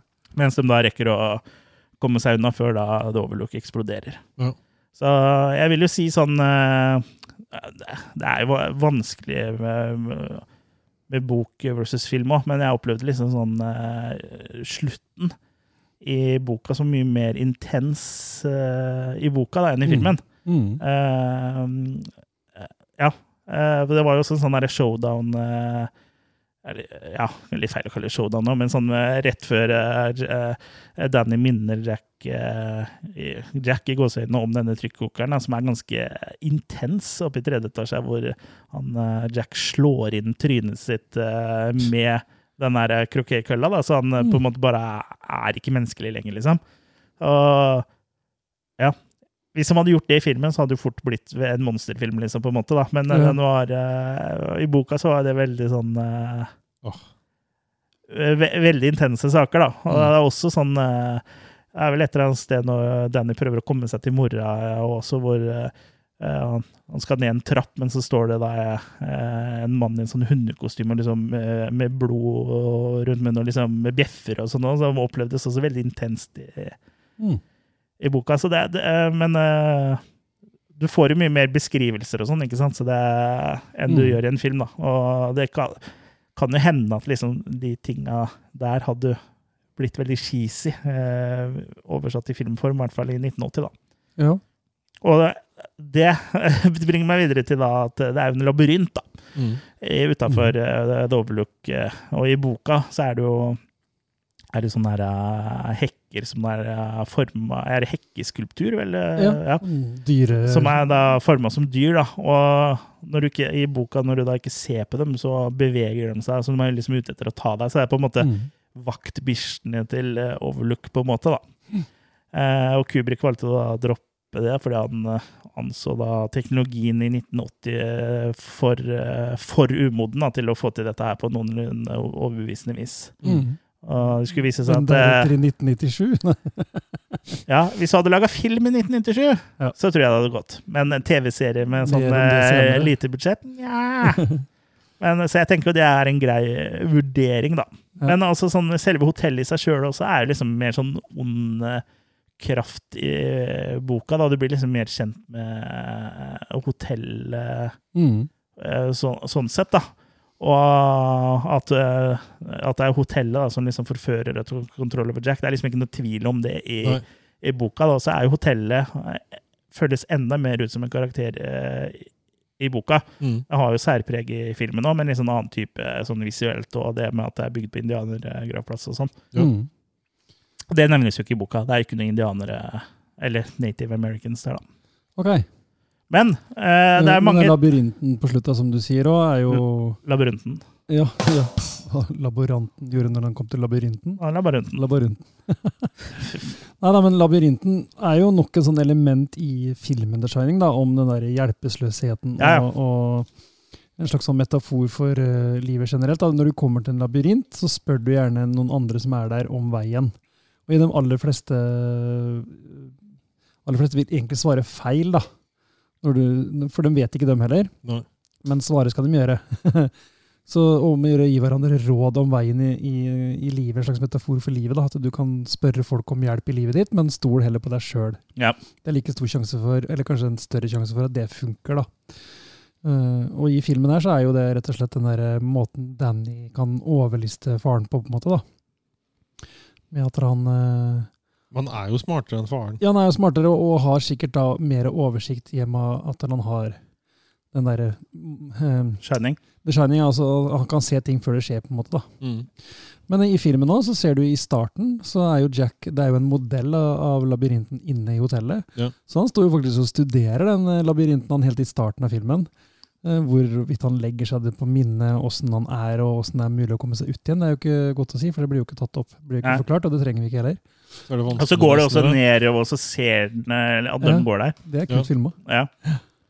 Da ser du disse folka som ja, er hvileløst i Mm. labyrinten. Men da kan vi jo eh, tenke at det var liksom før Jack på en måte var helt uh, overtatt av ondskapens hotell. Mm. Og, for det kan jo tenke seg at uh, på en måte den ondskapen som tar over etter hvert, hvis det ikke er at han har fått cabin fever, det er på, gjør at den clouder på en måte hans eh, logiske tankegang. da. At det er Mm. derfor han eh, blir sittende fast inni den labyrinten, for han er bare sinne liksom til slutt. Mm, ja. Rage. Hør på 28 dager senere podcasten vår. Men uh, det er ikke noen tvil om at det er mange ikoniske ting, uh, i tillegg til labyrinten, da, mm. som er med i filmen, som ikke er med i boka. Uh, for blant annet har du tvillingjentene til Grady, som Mm. sier 'Come play with us, Danny. Mm. Forever and ever'. Er jo ikke i boka. Nei. De nevnes, eller det nevnes at den eh, forrige caretakeren eh, eh, Grady hadde mm, eh, døtre. to Mm. døtre og en kone som han har skjøt, men jeg sier ikke at nå er noe tvillinger, og Danny møter ikke dem. Nei. Gjenferdene deres. Det er sånn som funker veldig bra for filmen. Ja, veldig, veldig bra, og de er, det er jo veldig ikonisk. Mm. En annen ting som er ikonisk, er den scenen med tusenvis av liter med blod som kommer ut av heisen. Mm. Har, tilfører egentlig ikke historien en dritt. Det er liksom bare blitt sånn ikonisk eh, shot. Den Mm. tilfører jo til slutt en eh, konspirasjonsteori, men mer om det senere. ja, det, det tilfører noe. Eh, men sånn utenom Sånn for storyens del, med mindre du, du tar den konspirasjonsteorien for god fisk, så er det jo bare skummelt eller ekkelt eller kult Ekkelt, ja. eller eh, Kubrick tenkte åh, må jeg lage skrekkfilm? Ja ja, jeg må ha med noe blod, da. Jeg husker ikke hvor mange ganger de tok den scenen, men jeg tror det tok sju dager å så bygge det opp for å få det til å funke. Det der blodet som fløt utover. Ja, riktig. Og tenkte at hvis han måtte ta den scenen 127 ganger Ja, vet du hva? Jeg tror ikke han, jeg tror ikke han var til stede under innspillinga av den scenen. Det er kanskje ikke det. Nei, Jeg tror ikke han orka. Så han var litt sånn, hadde litt selvinnsikt, da, tydeligvis. Og jeg visste at jeg ikke kunne ta den 100 ganger. Men eh, jeg er litt usikker på det, så ta det med en klype salt. Kanskje han ikke Eh, tålte å se Jeg er sikker på at Espen. Aukan kommer til å korrigere meg. Ja. Det er vel han vi kommer til å få mest sånn kommentarer på fra det, det Ja, ja. jeg. Ja, men det blir kult. Kanskje han ikke vil snakke med oss på Ramaskrik engang. Nei, men da vil ikke vi snakke med han heller. Jo, jo. Vi skal plage den.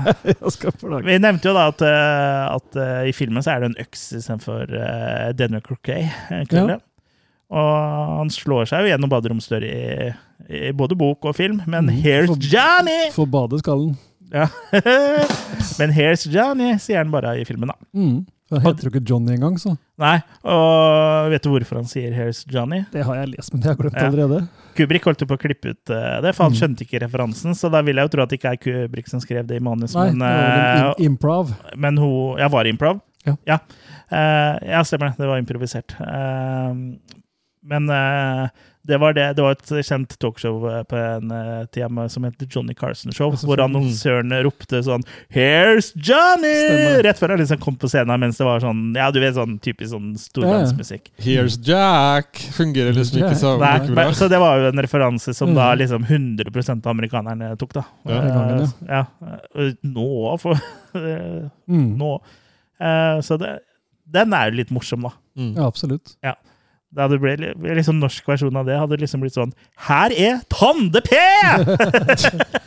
Her er Thomas og Harald. ja. Senkveld, liksom. Her er, John, her er eh, Timothy Dale. Ja. Her er Eller Asbjørn Brekke. Ja. Det har vært morsomt å lage liksom forskjellige versjoner uh, hvor vi slo oss gjennom en dør og sa sånn her eh, talkshow. Uh. Kan vi ikke deepfake han Asbjørn Brekke på Jacka? Ja, Eller så kan vi bare filme, filme oss sjøl. Ja. Gjennom eh, Vi tar og ødelegger døra di, Jørgen. Ja. Mm. Uh, jo, og så er det jo også en veldig uh, En annen uh, sånn, Ikke sånn kjempestor forandring, men uh, forandring som du var inne på litt tidligere, Jørgen, er at i filmen så er det da jeg har jo da rom eh, 217 blitt til 237. Mm. er Ja. Hvor hun råtne opp som er litt køte dama holder til. I Ja, Så det er i boka er 217. Ja. Fordi det, er de som uh, eierne av Timber, Timberlin Lodge, uh, hvor da deler av filmen ble spilt inn, insisterte på at, uh, at på det byttet, da, fordi de var redde at ingen ville bo i eh, rom 217 etter filmen. da. Ja, sånn, ja. Fordi eh, Og 237 eksisterer ikke. Nei, de har ikke det. For eh, de har ikke så mange rom da, i Mm. hver etasje.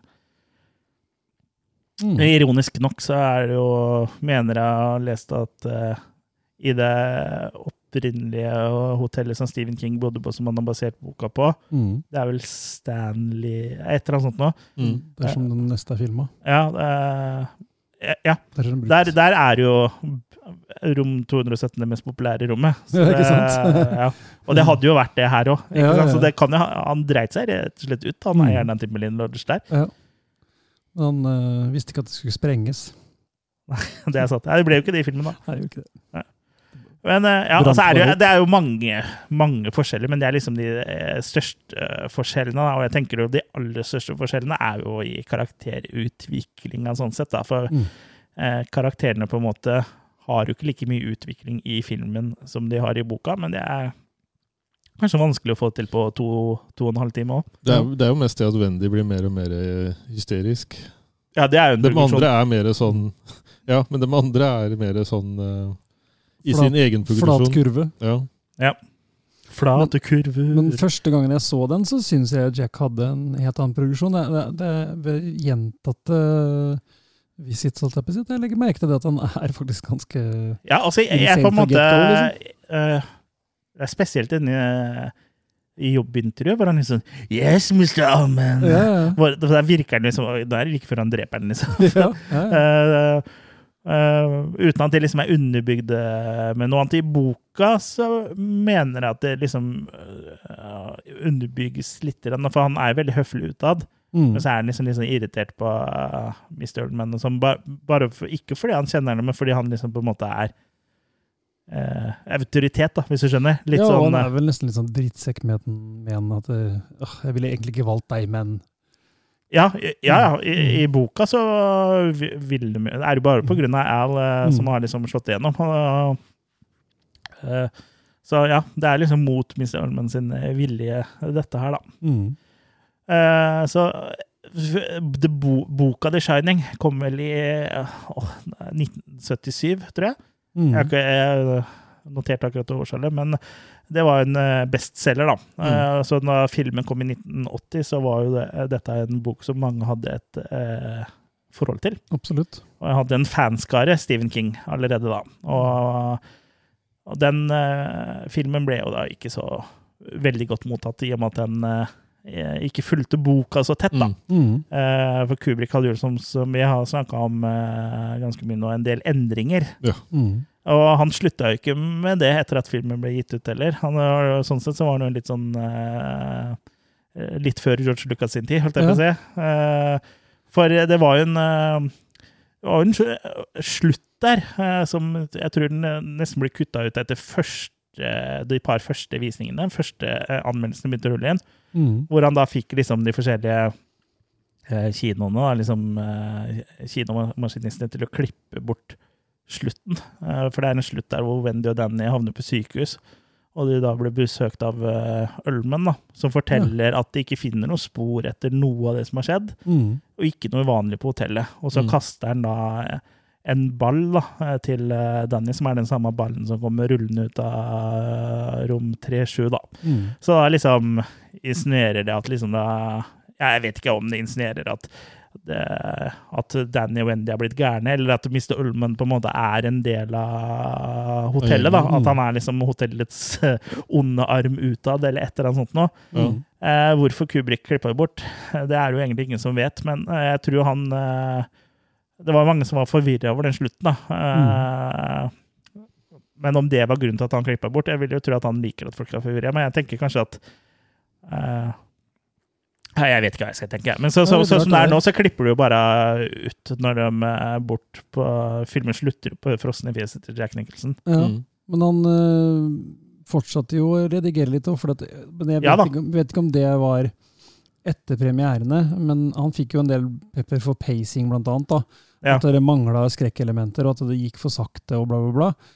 Og da var det da han bestemte seg for å ta bort ca. 20 minutter for den europeiske Ja, Den europeiske releasen. utgava. Han tok ikke bort til eh, Han gjorde ikke noen flere endringer på den amerikanske. Nei, så den amerikanske har alltid vært den lange versjonen, og så fikk vi i Europa en kortere versjon som skulle da liksom ha en raskere pacing, da. Ja, Selv om han tok bort litt av skrekkelementene, blant annet der hvor Wendy flyr rundt og og hun, For på slutten så begynner hun jo på en måte å se ting også. Mm. og så løper hun inn i lobbyen. eh, Er det lobbyen, eller er det et annet rom? Det husker jeg ikke, men det er i hvert fall en haug med skjeletter som sitter her. Men, men det, det forklarer liksom noen med litt sånn, sånn Scooby-Doo-skummelt, liksom. Før det blir ordentlig skummelt. Nei, ja, det er sikkert derfor han klippa det bort. For er det én ting jeg liksom syns uh, uh, den amerikanske kunne klart seg uten, så er det For hun ser jo den eh, bjørnen som suger han der uh, mannen, og hun ser jo mye annet. Og hun ser jo blod, blod i heisen og sånn. Mm. Men akkurat de skjelettene der, det ser så jævla Det er som du sier, Jørgen, det er Scooby-Doo, liksom. Det er liksom eh, Det er ikke noe skummelt, da. Nei. Eh, og det tror jeg Kubrik også innså når han da klippa ned den uh, europeiske versjonen, da. Mm. Og folk liksom kaller jo den amerikanske for Directors Cut, Ja. men han Kubrik mener jo sjøl at den europeiske er bedre. Ja, han foretrekker faktisk den, han. Ja. Jeg er litt usikker. Jeg, jeg, jeg tror jeg på en måte sier liksom ja takk til begge deler. Begge har liksom Absolutt. på en måte eh, sine ting. Eh, ja, det er, jo alle scenene som er i den eh, korte europeiske, er jo i den amerikanske, men det er litt Mm. mer kjøtt på beinet der. Og noen steder er det bra, Mm. andre steder er det liksom ikke like bra. ja. Så han fikk jo som sagt en del pepper for det, og justerte etter det. Eh, og det er litt rart, da, for han var jo en fyr som egentlig ikke verken brydde seg så mye om media, eller ville ikke Nei, bli men han, intervjuet, eh, men han tok det sikkert det seg til, visst. da. Han var litt sånn, Forrige filmen var jo Barry Linton, og den hadde jo ikke gjort det bra. Nei. Så han var kanskje på en måte tenkte sånn at hvis det her ikke gikk bra, så har det kanskje kroken på døra. Muligens. Og så sier han jo selv at han aldri så sine egne ferdige filmer, men det må han jo ha gjort her for å kunne redigere dem, vil jeg tro. Han må i hvert fall se det han tar bort. Han trenger ikke se hele. Men jeg Nei, han bare forsto Ja. Han husker bare i huet hvilke Ja, scener men det eh, det kan jo hende han mener, liksom, for han må jo se den når de på en måte scorer filmen og alt mulig, så det kan hende han mener liksom akkurat etter de er ferdige, for han må jo Mm. se gjennom Ja. det som for den personen som har klippa filmen, har gjort, Ja, Jeg vil jo tro og godkjenne det. Men jeg, jeg tror han mener etterpå. Men det han til slutt klippa vekk, og sånn, det ville han ha ødelagt. Så alt det skulle bli Ja, så tilintetgjort. Så, så- ingen skulle noen kunne gang gjøre ja, en det gikk jo. Warner Brothers Ja. med på, da. Det Ja. hadde de ikke gjort hvis det hadde vært en annen som hadde spurt. Ja. Så det materialet er jo alt bortsett fra negati negativene som på en måte er brukt i filmen, Mm. i de to cutsa, Mm. eksisterer. Noe annet gjør ikke det. Nei. Så de 90, nei, 126 andre takes er vekk. ja, Eller nå, nå brukte de sikkert flere, litt fra forskjellige takes i den scenen, men eh, Mm. det er i hvert fall 100 takes da, som har Hm. gått tukten der. Og den slutten, da. Det hadde vært interessant å se den slutten, Mm. eh, med den, på, med den på sykehuset og sånn. Så det er litt synd da at eh, Warner Brothers gikk med på det, Mm. syns jeg. For det Det var vel vært ingen som satt og filma det på kinoen med smalfilmkamera, vel? Og klarte å lage bootleg. Nei, men det Mm. kan jo hende at det et eller annet sted eksisterer. Det verste er at det høres kjent ut òg, men det er sikkert bare sånne mandala-effekter. eller Ja. Mandela-effekt. Mandela-effekt, ja. Ja. Men eh, selv om han ikke ble så veldig praisa når han kom, så skulle jo det endre seg etter hvert, heldigvis. da. Ja, for ja. den har jo funnes i publikum i senere år, og har jo også figurert på eh, diverse lister, og, Mm. og er jo liksom eh, en skrekkfilm som kommer høyt opp, da, uavhengig om den er liksom på skrekkfilmlister eller beste filmer og of all time. da. Ja.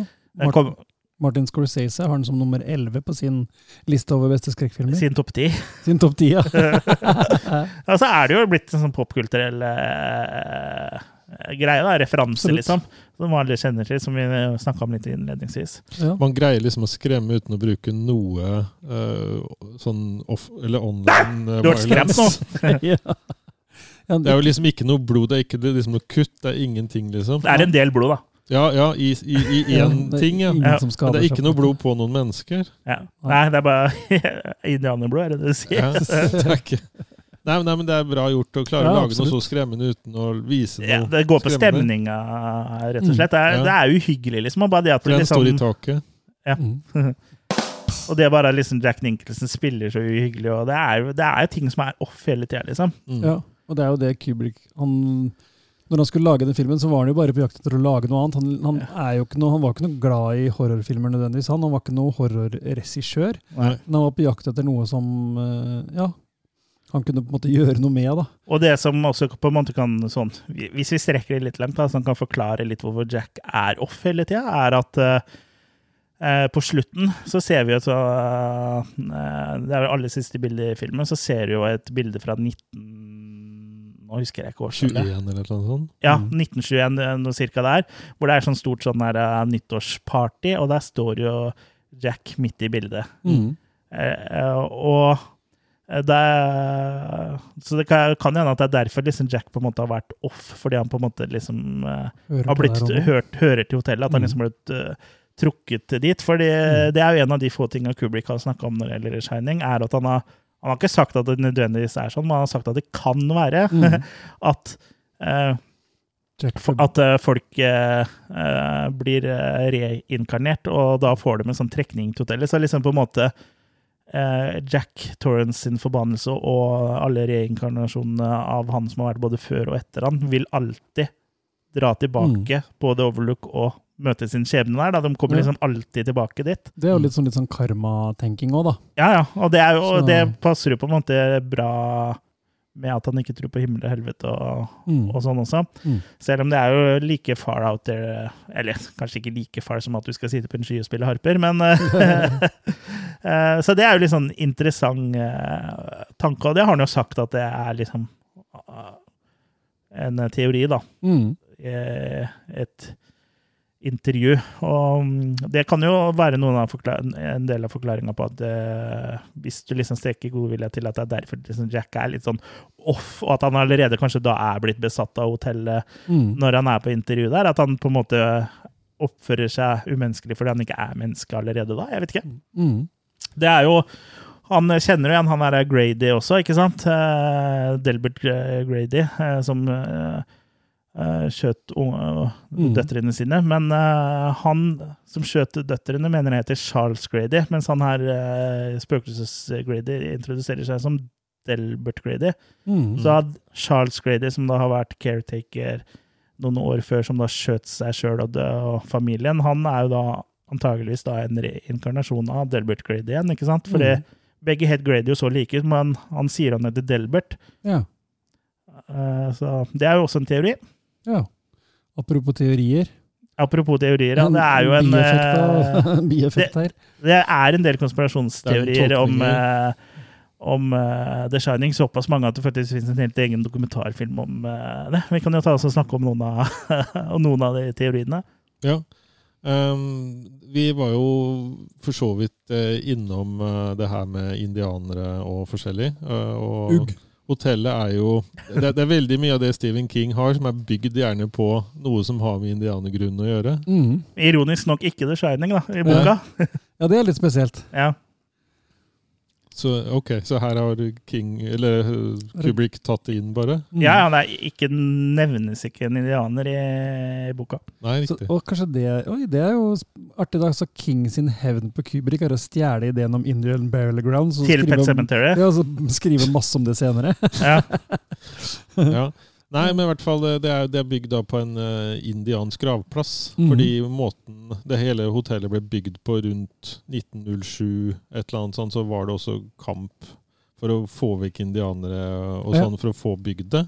ja, og det, det er også litt artig at du nevner det i filmen, da, fordi den eh, krigen da var ferdig 17 år før. Jeg mener det var i 1890, så var den over. Riktig. Ja, Men uh, det kan jo ha vært med vilje, da, at de eh, sier det, legger det litt sånn feil uh. Mm. Ja. Uh, nei, og så er det jo da indi uh, Blant annet på det hotellkjøkkenet, da, uh, hvor han blir sperra inne, han Jack, så er det jo sånn bakepulver hvor det Mm. står Calumet baking powder. Mm. Og det er også en sånn referanse til et sånn indiansk sted, etter det jeg skjønner. Ja, det er jo også Calumet er jo navnet på en fredspipe. Istedenfor Kalima, så er Ja, det. Ja. Altså, ja. og det bakepulveret har jo også logo som er en indianer, da. Ja. Mm. Og så er det masse indianerbilder og sånn indianerkunst på El Hotel og sånn også. Mm. Ja, og så snakker jo Jack når han er i baren da, om White, man, white Man's Burden. Ja, ja. Så er det jo noen som drar det så langt, da, som sier at det, det blodet som kommer fra heisen, det gjenspeiler alt det blodet som indianerne da har uh, ofra eller tapt, eller ja. Ja, på de, i blodet til de drepte indianerne som eh, Ja. For amerikanerne eh, Folkemordet på Ja, det var, var jo rett og slett folkemord, liksom. Mm. Man bare drepte indianerne og tok over landet deres. mm.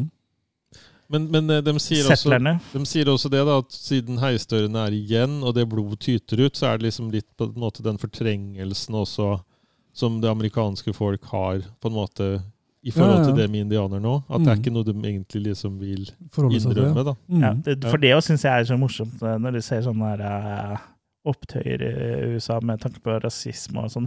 America for Americans! Ja. Yeah! Og så er det liksom sånn, hvis du går tre-fire generasjoner tilbake, så er det ingen av dem som er, eh, Mm. er derfra. Det er jo Ja, det, sånn er i Norge det- det. Norge for nordmenn. Ja, vær så god, bli same. Ja. Her er det litt flere generasjoner, da. Du kan Ja, ha vært eh, viking en gang, men eh, ja. Det er jo, same, det er jo mm, samene som er eh, urfolket her. Vi er jo Absolutt. tyskere, vi, sånn eh, egentlig. Sig heil faderi, faderullan deg. Sig heil, faderi faderullan deg! Ja, Var det en uh, Segway? Ja, det kan være en Segway, for uh, det var jo ikke bare nødvendigvis eh, indian, utryddelsen av indianerne folk mente at uh, The Shining var et bilde på, Nei. men Eh, holocaust. Ja. Eh, og noe av det første hintet vi får, eh, det er jo det når de ankommer, Jack og Wendy ankommer hotellet, Mm. så er det jo altfor mye bagasje i forhold til det de eh, egentlig trengte. Og det det er plass til i den tyske folk, folkevogna de kjører. Ja. Eh, og, og det er liksom kanskje Og hvem, allerede hvem grunnla Volkswagen? Og Ja. spesielt bobla. ja, i hvert- fall eh, bobla, ja. ja. Adolf? Mm, Adolf. Ja, ja. Nei, så Han det- skulle jo lage en, eh, en bil som eh, det alle hadde råd til. Mhm. Det tyske folk. Altså folkevogn. Mhm. I, ja, men i dag så hadde det kanskje ikke Eller hvis han laga elbil, så hadde det vært noe sånne Noe sånn Heil Heilwagen eller et eller annet sånt.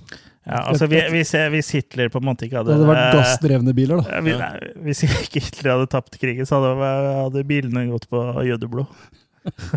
Uff, nei, det var stygg. Men eh, nå er vi 1 time og 41 sekunder Nei, 1 time og 41 minutter ute i en uh, podkast. Jeg tror ikke noen som eh, Jeg tror ikke det er noen som eh, er lettkrenka som hører på oss. Den gjengse lytter nå er bare en sånn god og slumrete Ja, altså, t- Ja. De er vant til at folk sier verre ting enn det vi gjør. mm. Gasspill, ja. det- det er ganske søkt, da. At Hadde du vunnet krigen, så kan vi i hvert fall garantere deg at vi ikke hadde brukt eh, så, så mange timer på å kjøre til Oppdal som vi kommer til å gjøre eh, om Nei, to sant. uker. Det er sant. Da Jeg var glad i å bygge gode veier. Mm. Men hvis vi tar litt i forhold til teknologi, da, eh, som var med på å utrydde veldig mange av jødene. eh, Ja. For Kubik hadde jo jødiske besteforeldre, og var veldig sånn opptatt av det her allerede fra ganske tidlig av. Ja, Eh, er, er Kubrik sjøl jødisk òg? Han må jo ha noe i blodet, siden han har eh, besteforeldre som var det, i hvert fall. Ja. Vil jeg tro. Ja, han trodde jo ikke på himmel og helvete, og sånn, så det er, men det, de gjør kanskje ikke Jøder tror kanskje ikke på helvete, men de tror på himmel. Ja. hvert fall. Ja. Men så er det jo det med den type greier i USA. Da, at det er ikke nødvendigvis religion pga. tro, det er religion pga. Uh, arv. Ja. Altså de, de eh, identifiserer seg med en trosretning, men de tror ikke nødvendigvis på det sjøl. Nei, det er sant. Mm, han, han, var jo, og... han var jo british, da. Men i hvert fall den skrivemaskinen da, som han Jack sitter og skriver på, eh, det er jo en tysk eh, adler. Og det glemte vi også å nevne i stad, at den begynner jo som eh, sånn lysgrå eller hvit, og så er den neste gang vi er tilbake her, så er den jo mørkegrå og Ja, nesten skifter. svart. Mm. Ja. Eh, og det sjokket hun Wendy får også, når hun ser at han bare har sittet og skrevet tull. Ja, det glemte vi også å nevne, Ja. At, vi, at vi glemte å nevne det. Ja. Eh, og All Work No Play. Makes eh, Jack a Dull Boy. Det er jo heller ikke med i boka, og det er jo en av de mest ikoniske scenene ved siden av den økse øks gjennom døra-scena, vil jeg tro. Mm. Mm. Men i hvert fall hvis vi holder nå nå på den holocaust-tingen, da, eh, så er det det her tallet 42 uh, som går igjen. Mm. Uh, For de ser på en TV, mener jeg, som ikke har noe elektrisitet, ingenting. Uh, Ja. Det er ikke noe ledning. Eh, Der er det 'Summer of 42'. Mm. Eh, og den endelige løsningen, da, den ble planlagt da i Eller konkludert med i 1942. Ja, var det ikke igangsettelsesåret? Ja. 1942? Mm. Greia med en TV nå, det er veldig spesielt, for der har de gått inn veldig hardt for å gjemme ledningen. For det er jo klart at den må jo få strøm fra et eller annet sted. Kunne Mm. de ikke drive den på noen batteripakke eller sånn? Jo, Gå på gass. ja, selvfølgelig.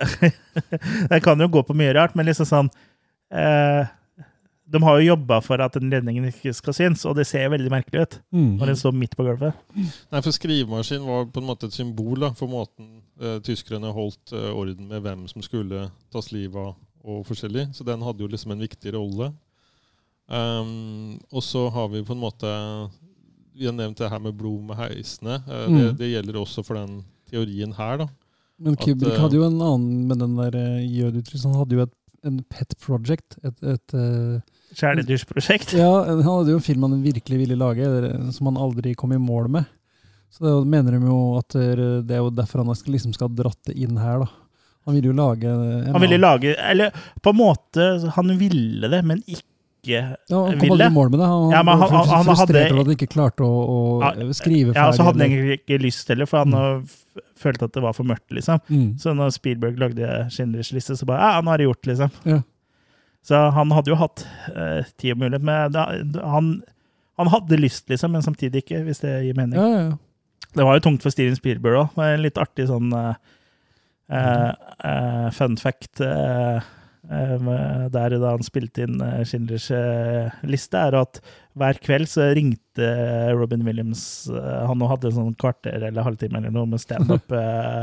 For å få ham på godt humør igjen. ja, ja. Det? Det, det sier litt om Robin Williams Mm. òg, da. Og så ringte Kubrick, og så gjorde det motsatte. når han lagde AI.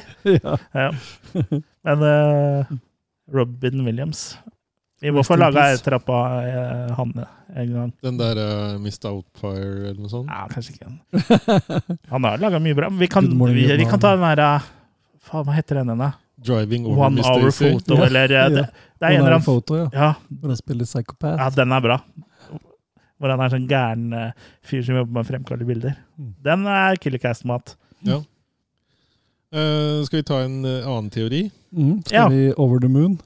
Ja, nei, innom mytologien først, tenkte jeg. Ja. Det der, eh, Hvilken mytologi? Folk som står på ski, og som Ja, ligner de greiene der, ja. Nordmenn?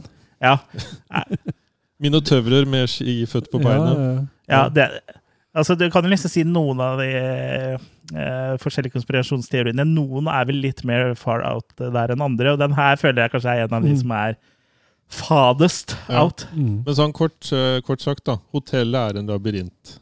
Ja. Hekken er en labyrint. Ja, for det, det at eh, den er en labyrint også, ser du jo Først så ser du jo eh, han eh, Danny når han sykler på trehjulssykkelen sin rundt i første etasje der. Der er det ganske basic. Han sykler rundt i en firkant. Men eh, når han er i etasjen over og sykler, så er det jo liksom en helt annen form. En sirkel. Mm. Ja, nei, det er ikke For en av dem er i en sirkel, tror jeg. Ja, men det er, ikke, det det er jo sirkel på en måte i første, Ja. bare at det er firkant. Men i andre så er det jo liksom ikke den logiske, for du går liksom sånn to ganger til høyre før det Det er en helt annen layout da, Mm. enn etasjen som er under. Ja. Og så er det det her med vindu, eh, der hvor han eh, Jack blir intervjua Oldman. Det umulige vindu, for det kan ikke være der etter sånn bygg Ja, det er er. ikke noe sted som du har en sånn utsikt ut fra noe sted i hotellet. Nei, fordi Nei. det er egentlig inni på en måte midten av hotellet, på en måte. Skal ikke være Ja. inni der. Nei, Med mindre det har en sånn der innebygd eh, sånn bakgård-type ting, da. Ja, Og så er det jo det der, med den plakaten da, hvor den der skiløperen er, som da ligner på en. Minotaur, ja. Og så the står game det, room. ja, ja, og så er det monark, altså det kongelige. Mm. Uh, At det er link med det.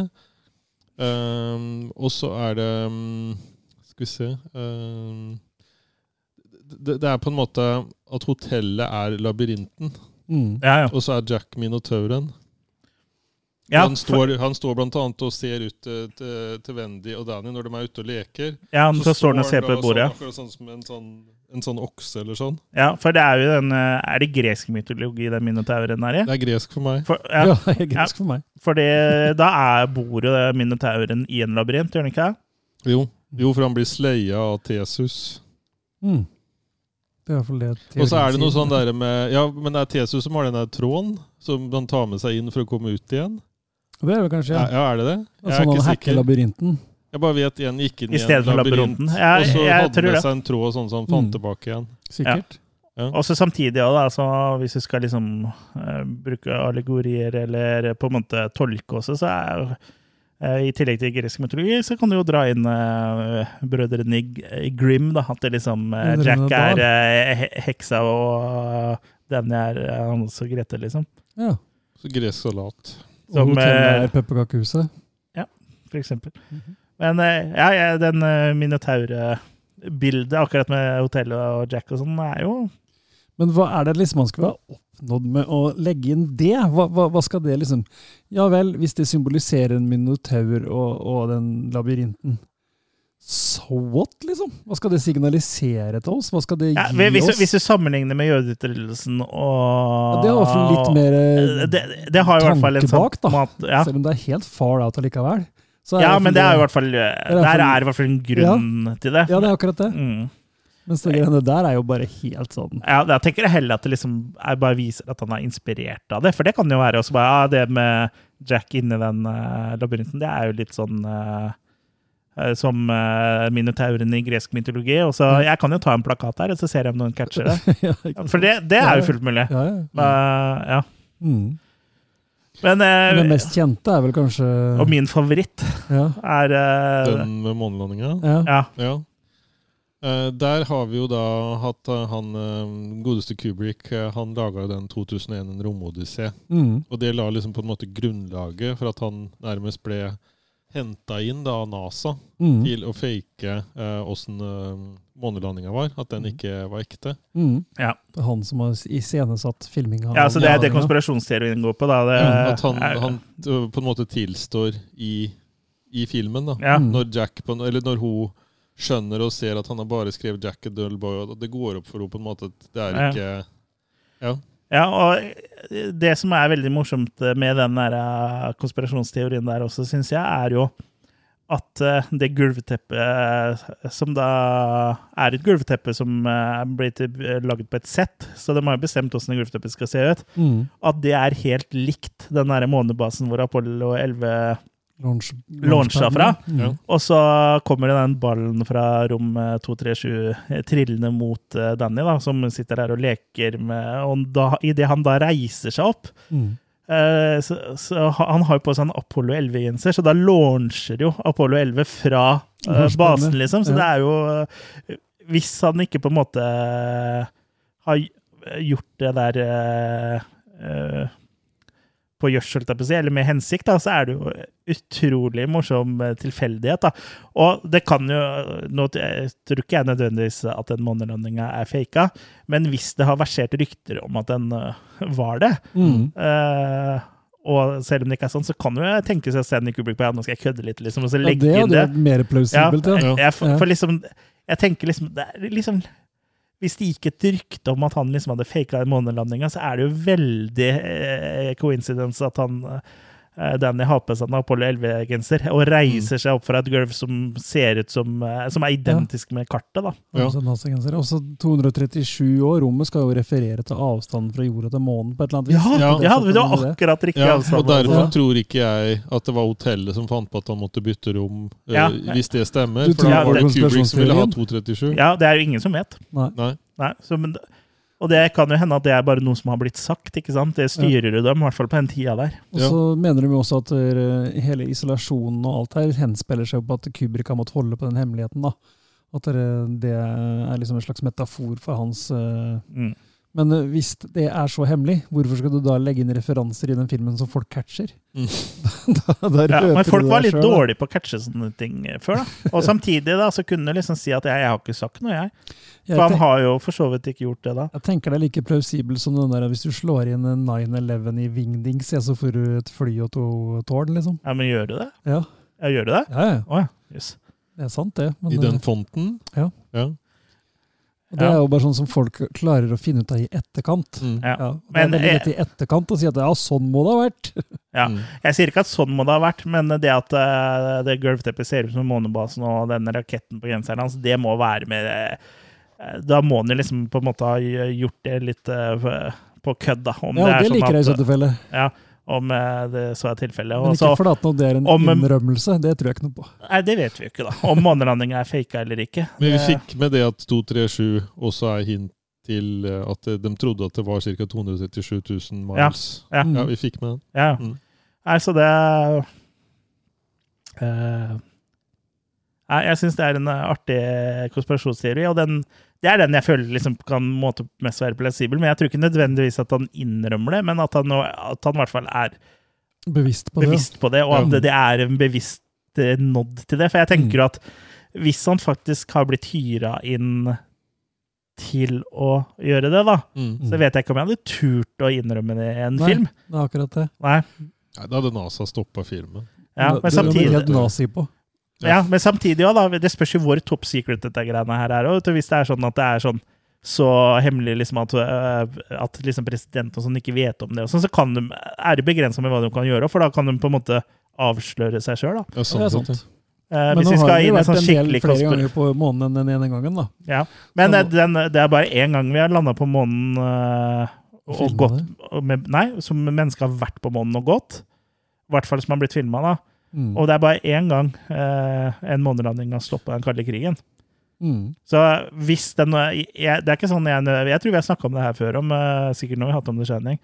eh, at den månelandingsfilmen eh, er faka, det kan godt hende, men jeg tror ikke det nødvendigvis betyr at vi aldri har vært på månen. Nei, det er jo ikke det det Men liksom handler sånn, eh, hvis jeg hadde sittet her liksom og sånn Å, faen, hvis vi liksom bare hadde klart å lande på månen før russerne, så hadde liksom, da hadde de gitt opp det greiene der. Da hadde jeg bare tenkt ja, kan vi ikke bare filme nå? Altså bare fake det? Det er Ja. klart at det er eh, Og da tar du med en russer på det? Ja, ja.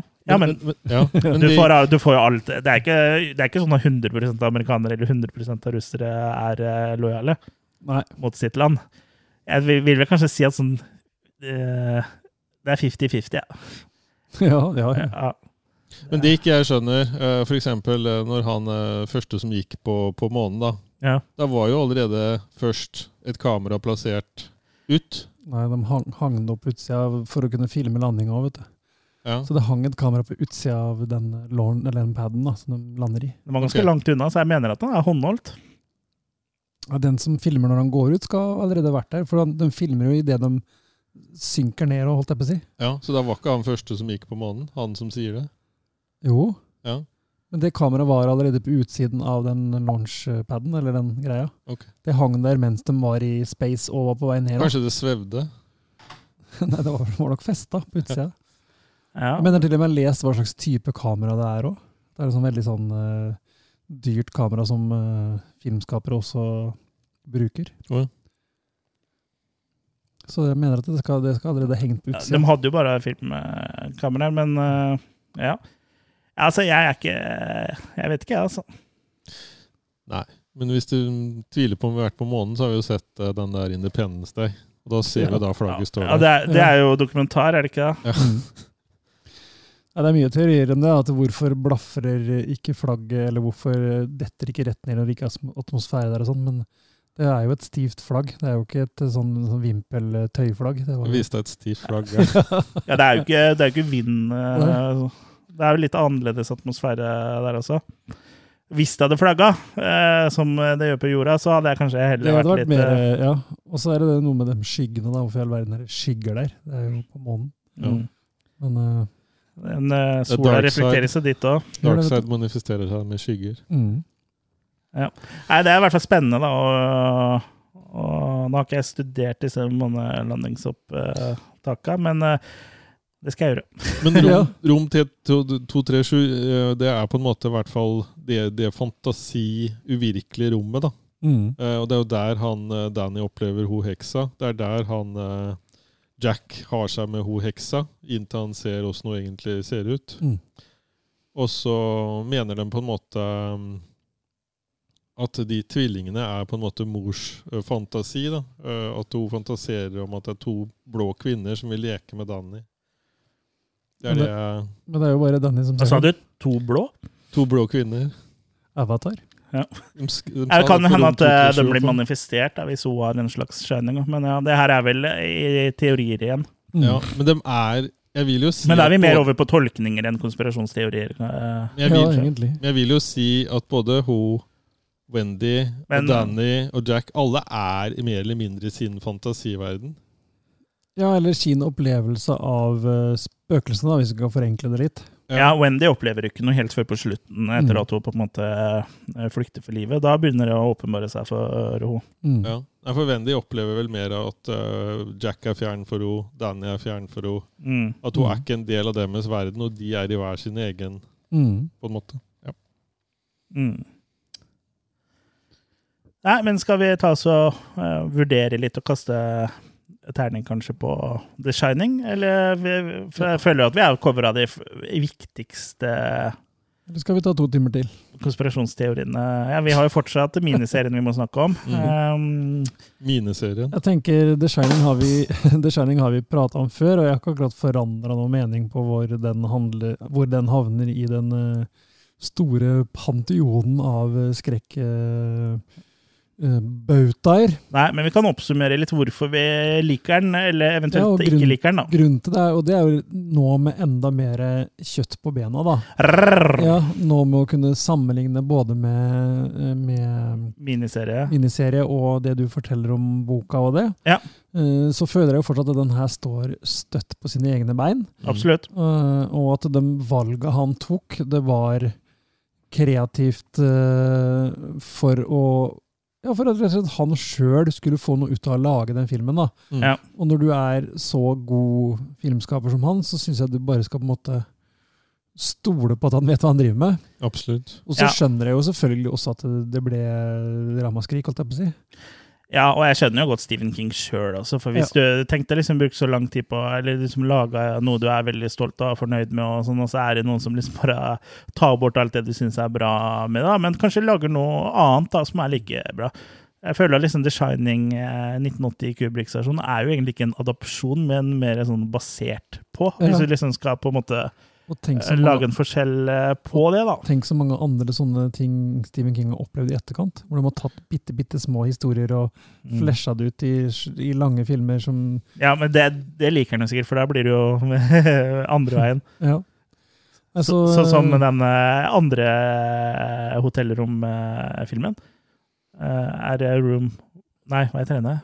187, er det ikke den heter? 187. mm, Den er jo egentlig en short story, bare. mm. Den er ganske kul. Ja. Altså, jeg syns jo fortsatt den her står eh, fjellstøtt eh, der han står, og, og faktisk eh, Ja, jeg forstår mer av hvorfor han gjorde som han gjorde, da. Ja, Det er jo en klassiker av en film, og den er jo ikke det uten grunn. Og den er jo, har en helt særegen stemning, og som eh, Jørgen nevnte i stad, så er det jo veldig lite sånn som egentlig skjer av sånne overnaturlige ting, men det føles overnaturlig og liksom eh, creepy ut da hele Mm. tida. Og det, det er mye uh, på grunn av hotellet og, og Jack Nicholson sitt skuespill, og det at det er valgt liksom store bilder og sånn, at man liksom uh, At karakterene føles liksom små alene. og Mm. ja, det er bare creepy, men den musikken og Det er liksom bare en sånn uhyggelig tone over hele greina, og bra skuespill. Mm. Sånn uh, filmhistorisk sett så ble ikke horrorfilmer kalt horrors på den måten vi gjør det nå, da. Eh, før ganske moderne tid, nesten. Eh, det var kanskje ikke nesten før 'Eksorsisten' og sånn kom, hvor det ble mer referert til som skrekkfilmer, da. Eh, og Psycho, selvfølgelig, da. Ja. Og før det så ble det mer referert til som melodrama. Ja. Og der synes jeg nok mer Shining ligger også. At det er et melodrama i bånn der. Det er rett og slett relasjoner og karakterstudier.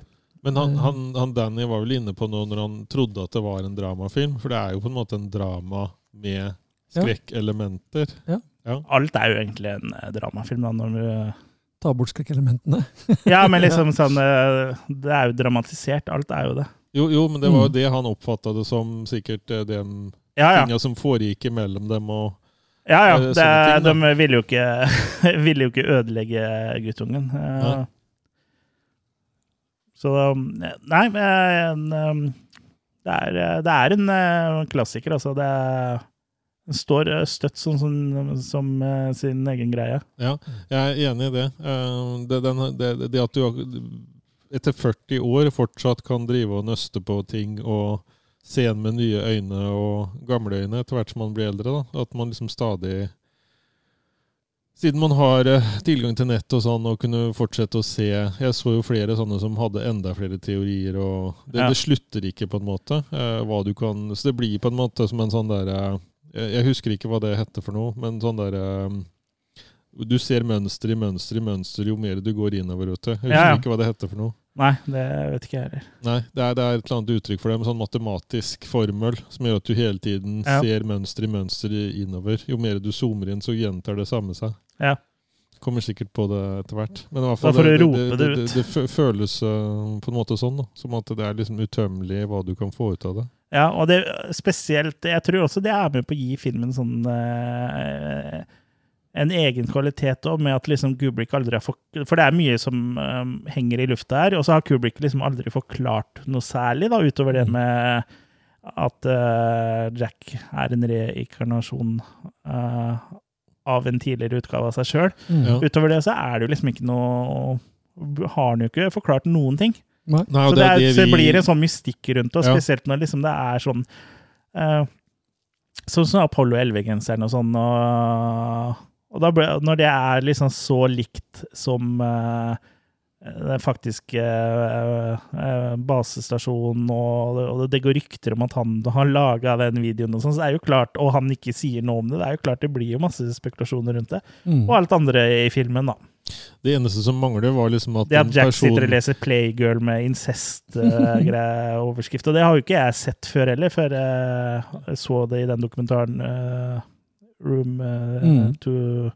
37. Ja. Nei. Og jeg det- så filmen etter det, og vi visste at ikke, de hadde photoshoppa det si. Men det som hadde toppa på en måte den filmen her enda mer, da, det var om Wendy på en måte ikke fikk lov til å vise seg offentlig etterpå. Og på en måte at det gikk rykter om at hun var død i tillegg. Ja, sånn som holder på Ja, Holocaust. ja. Ja, Det hadde liksom toppa det her enda mer. At Ja. det var folk som var borte etter filminga. ja.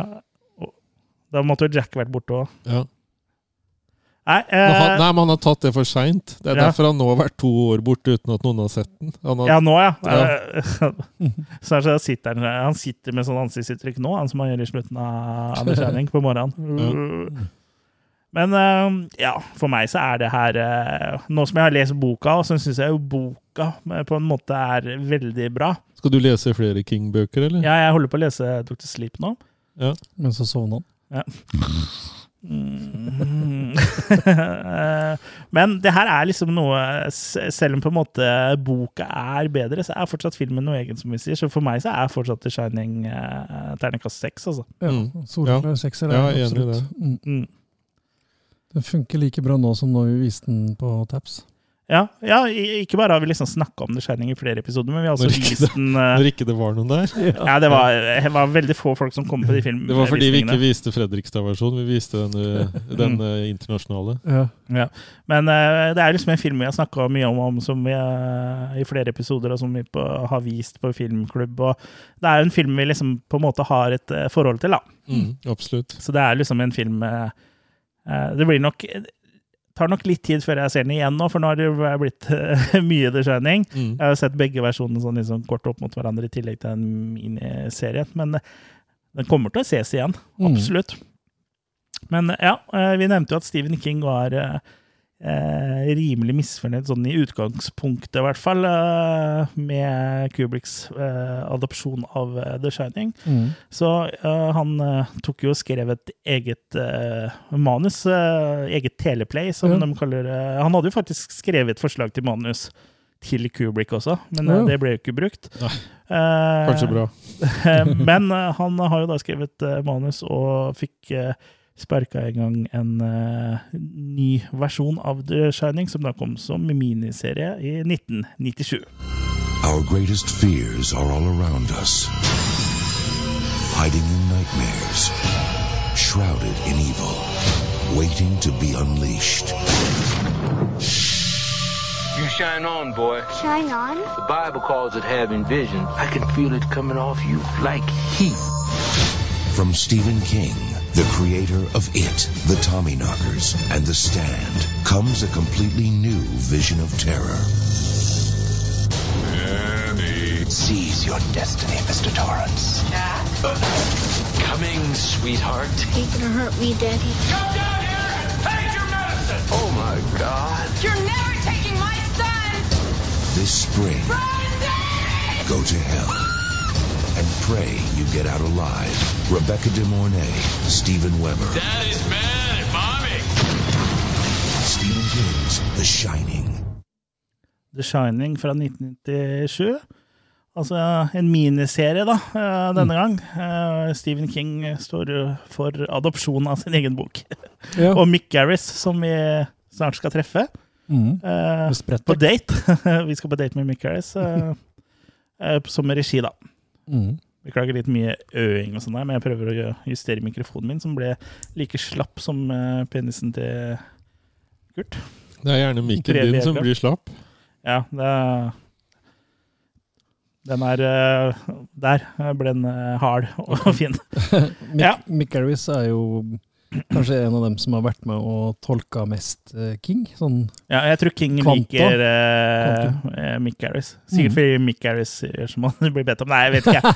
Han, han har jo faktisk droppa ting uh, i The Shining, uh, i hvert fall fordi han syns det ødela flyten. Eh, så han har jo tatt egne valg, så det er jeg tror ikke Stephen King hadde likt folk helt uten ryggrad, eller uten at jeg kjenner Stephen King eller vet noe om hva han eh, liker. Men jeg vet at det var i hvert fall en større eh, sekvens eh, eh, på den eh, nyttårsfesten med det bandet og sånn som eh, ble kutta ned på. mm. Men ja, eh, plottet her er jo det samme. Men eh, premisset for at det kom en miniserie i 1997, er jo at Stephen King ikke var sånn overbegeistra for Kubriks versjon, og eh, ville da lage en ny versjon. Eh, og han skrev den eh, sjøl, som sagt, og Mick Garris eh, har regi. Handler fortsatt om Jack Torrance eh, som tar seg jobb eh, som vaktmester over vinteren på The Overlook Hotel. Og med seg så har han da familien sin, Wendy og Danny. Men sånn i utgangspunktet, da den kom i hvert fall, så ble den her eh, Fikk jo den her en bedre mottakelse enn eh, det filmen fikk. Ja, for den, eh, den fikk jo overveldende krit kritikker når han kom. Eller kritikk. Av type gode. Ja. Ja. For, for kri, all kritikk er jo kritikk, som som man sier. kritikker. Ja, kritikker. Ja. Eh, Men så, eh, så kom det vel da, med, tid, med tida, så ble det jo da sammenligna opp mer og mer mot originalen. Og da Eller første ble, filmene. Ja. Ja, ja, ja, ja originalfilmen Ja, filmen, ja. kontra serie, miniserien. Mm. Og Jeg tror kanskje det var Ja. da, da nådde den ikke helt opp til hælene til eh, filmen. Nei, for den eh, var jo såpass populær at det var 18-19 millioner som så på episodene eh, på TV i USA. Det er jo sjukt uh, mye. Og det er jo Men det betyr jo ikke nødvendigvis at de liker den, det betyr at de ser den. Ja, Ja, ja, men sånn, det var kontinuerlig over episodene. Så, Ja. For det er sånn Hvis de ikke liker første, så faller det drastisk på neste. Og det er derfor Ja. serier ofte blir kansellert. Og, Ja, Det er jo tre ganger Ja. halvannen time å følge med på, liksom. Ja, og så vant den Emmy for beste sminke og lyddesign. Men også sånn miniserier fra Stephen King, og hadde jo et sånn eh, godt renommé Boost, renommé eh, på 90-tallet. Men det var vel litt andre Og Tommy Knockers Knockers. og The Stand, som vi hørte Ja. eh, nevnes i traileren, som eh, på tross av at de på en måte eh, var eh, Vi kommer jo inn på det litt senere i serien, men på tross av at de var på en måte TV-serier på 90-tallet, så var de ofte bedre enn eh, mye annet, da. Ja. Det var liksom litt høyere Så litt eh, mer filmatisk ut ofte enn mye annet. Ja, og særlig It var jo i hvert fall veldig populær fra Getco, mener jeg. Så. Ja, ja. Absolutt. Ehm, så den ble jo godt, godt tatt imot, som sagt, og vant jo Emmy, faktisk, eh, for eh, sminke og lyddesign. Altså ikke sånn for innholdet, sånn sett, da. effekter.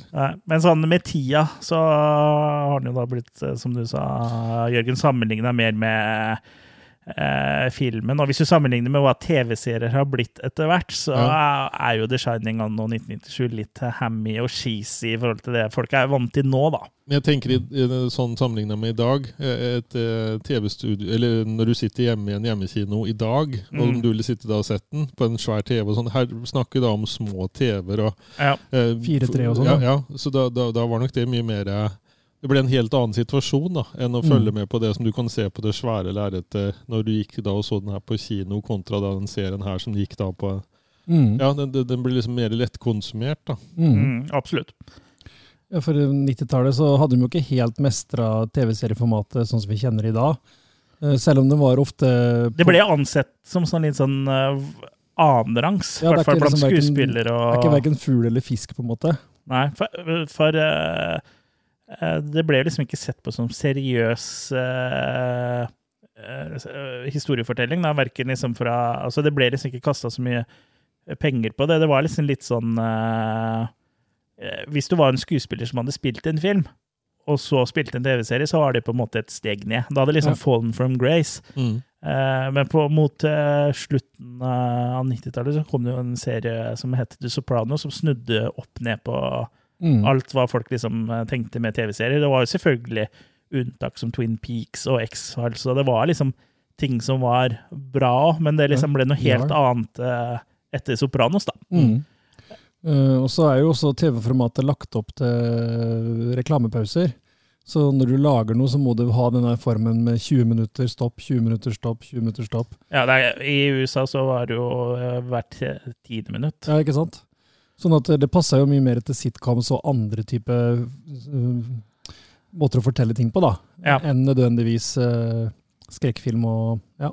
Mm. Men, men igjen, da, Stephen King er jo en av dem som har fått uh, adopte, adoptert, adaptert eh, mye av sine ting på den måten. Og det handler vel litt om også å få plass til eh, det som er i, eh, i boka, da.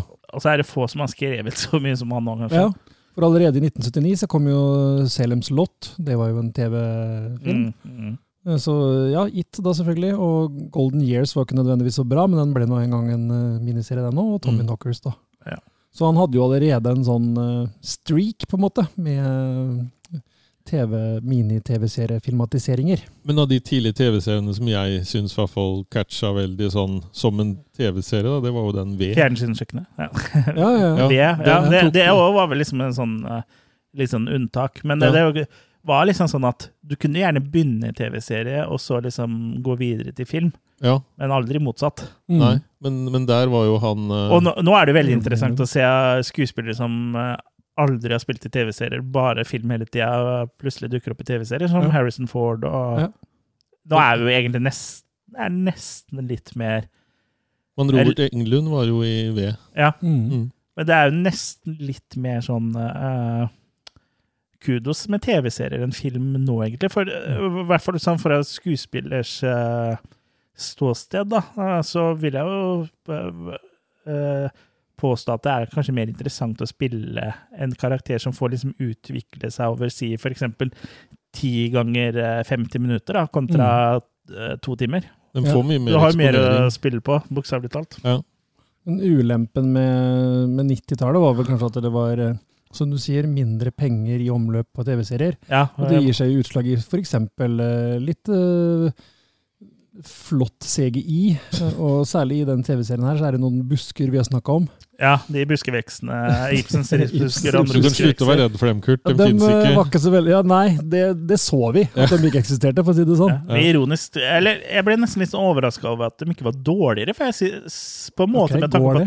ja, Hvis du sammenligner eh, med Scorpion King som kom ut på 2000-tallet, som hadde 100 ganger budsjettet, så syns jeg faktisk ikke det her var så ille. Men det som var litt sånn artig, var at jeg så dette her på DVD. Det, bare, det fins jo bare i standarddefinisjonen, det greiene her. Mm. Uh, og det ser jo oppussa og bra ut, og sånn, men når de effektene kom, så er det jo tydelig at de lagde de jo bare i den oppløsninga det blir sendt på på TV.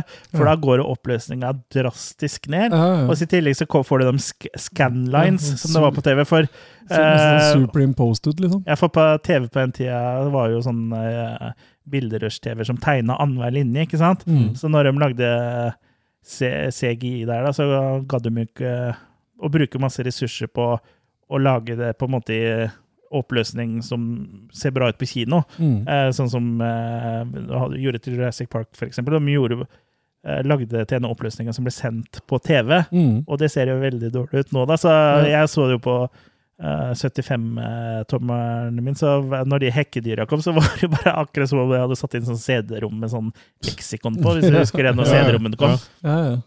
Første spillet Og Ja, hvor du så og... Eh, videoer av Hitler sine taler og JFK som ble skutt og sånn i sånn frimerkeoppløsning. ja. ja, stemmer.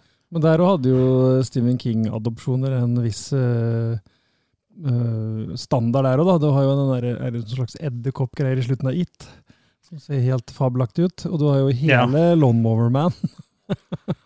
Ja, Ja. Den hadde vært moro å tatt en gang. Fly, er det ikke noe flygreie i Langolier? Som jeg aldri sett. Særlig Lawnmower Man- 2. Den er jo helt innsides. Ja, men CG-en i Langolier og tror jeg går for å være noe av det verste som fins ever, liksom. Ja, Så han har en god uh, track record der. ja det, det Men samtidig, da, de hadde jo mikroskopiske budsjetter eh, i forhold til film, da, så måtte de på en måte eh, gjøre det beste de kunne med det de hadde. da. Og til uh, The Shinings uh, 1997 sitt forsvar, så er jo ikke buskene kun i CGI. Det er bare uh, De beveger seg faktisk på seg når de er sånn anskåret i bildet eller sånn nærbilde, så bare dytter de litt på busken holdt jeg på siden, og har litt sånn animatronics og sånn. Er det mye jøder? Hæ? Er det mye jøder? Om, omskåret? Ja. Kjære venn.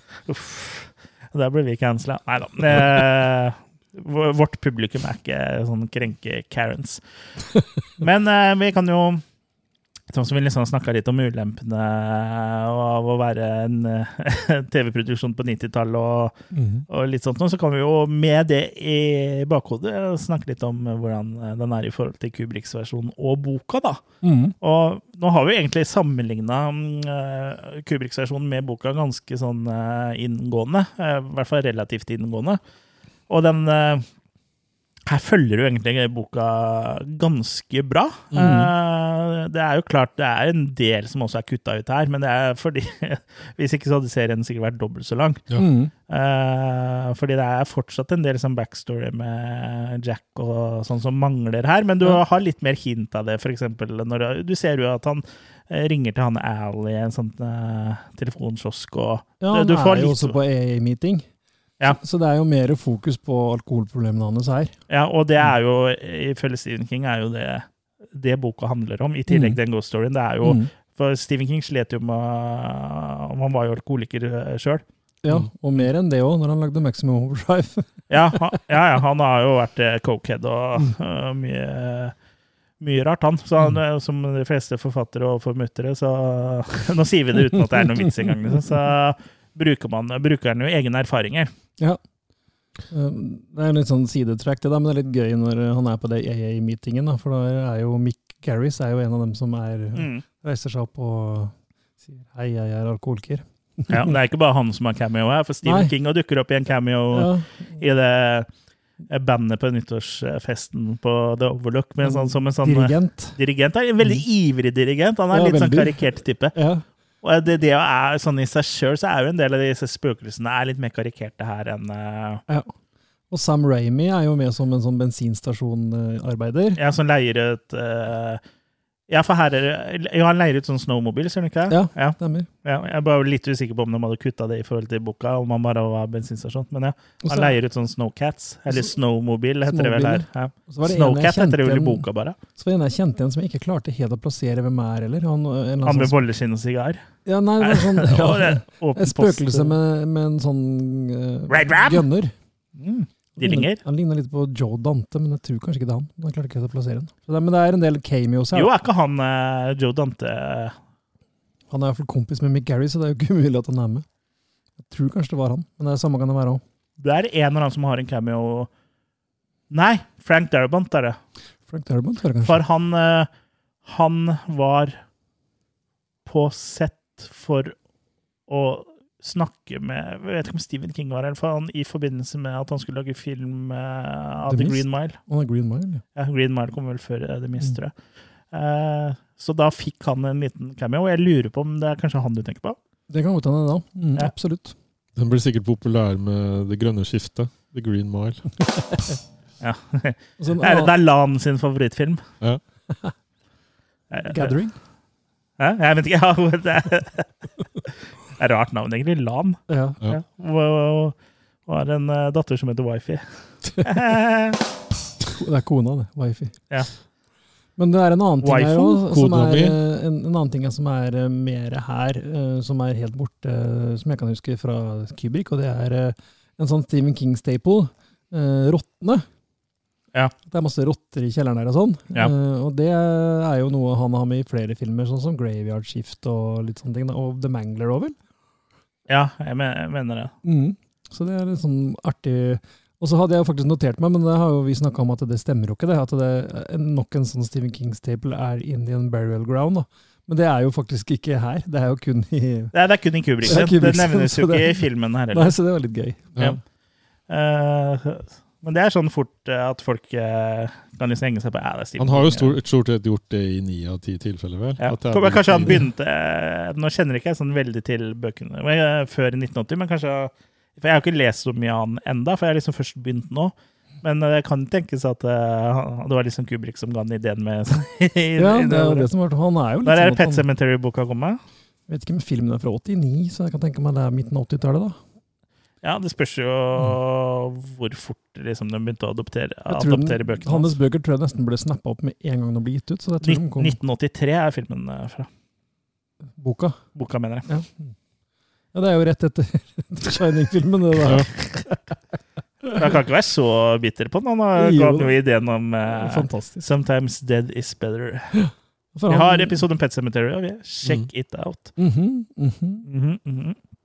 Ja. Altså, eh, det er jo en del som, liksom scener som mangler fordi pga. pacing, antagelig. Selv om det her er jo tre ganger halvannen time, så det er jo litt sånn slow burner her.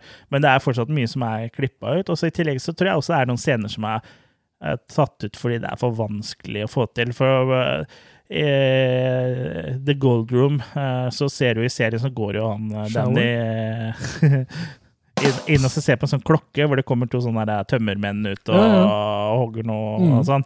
Men i, i boka så begynner jo de å, hogge hverandre og sprute blod utover hele, og han får noen sånne visions og noen greier. Mm. Men jeg vil jo se for meg at med TV-budsjett i 1997, eh, og basert på de her hekkedyra, så, fantastisk. så hadde jo kanskje Er det en grunn til at de ikke er med, tenker jeg. Og så hadde det vel sikkert blitt for voldelig, Mm. vil jeg Men, tro. men er, hva, er det ikke laga noe sånn adopsjon av Stephen King som er liksom full blovna med alle de ekle tinga som man har?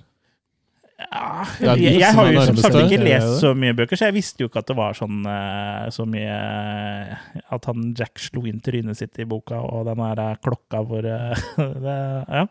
Men det er mye sånn slagvåpen og sånn. da. Misery og så er jo den der scenen hvor dere brekker bena på den. Ja den, den, har, den har jeg også faktisk eh, For det var en sånn eh, for den er endra i filmen kontra boka. ja, Grunnen til at jeg har eh, Jeg har liksom litt Stephen King-bøker, var at jeg skulle egentlig bare kjøpe en, men så var det en sånn tre for to eller noe sånt noe på engelsk pocket, eller et eller annet sånt, så jeg kjøpte litt flere. Så jeg kjøpte noen andre etter hvert, da.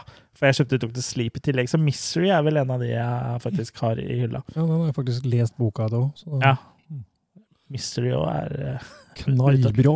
ja. Vi snakka vel om den i Shining King Shining? Stephen King. Shining! Shining ble veldig østfolding og litt sånn brainfart uh, i Stephen King-episoden vår, tror jeg. Ja, den ble sikkert nevnt. Ja.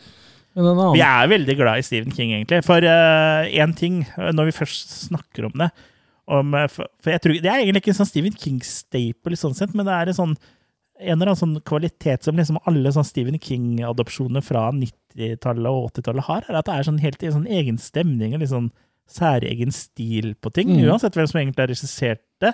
Men det er kanskje på grunn av at det, Stephen King-ting har liksom, i hvert fall det råmaterialet, har sånn ting som kan bli litt sånn campy eller cheesy, men den har liksom den litt sånn Altså, så den kvaliteten. At det liksom, det er både litt sånn skummelt og eerie, men så er det også litt sånn campy og cheesy, sånn som eh, Sånn som Sleepwalkers uh, er, og Mm. Silver Bullet og Sometimes they come back. Men, men den Stand By Me var vel ganske sånn Ja, den er ikke cheesy. Nei. Nei, den bare funka. Ja, det er, den er jo mer sånn klassisk. Den blir litt sånn mer som The Shining enn at det er liksom en knallfilm, på en måte. Ja, Mm. Men, der dere skjønner hva jeg mener med den Ja, ja. Stephen King-feelinga, liksom? men det, det er det jeg mener, at han, han hadde en sånn, et eget univers han da, lenge før MCU, holdt jeg på å si.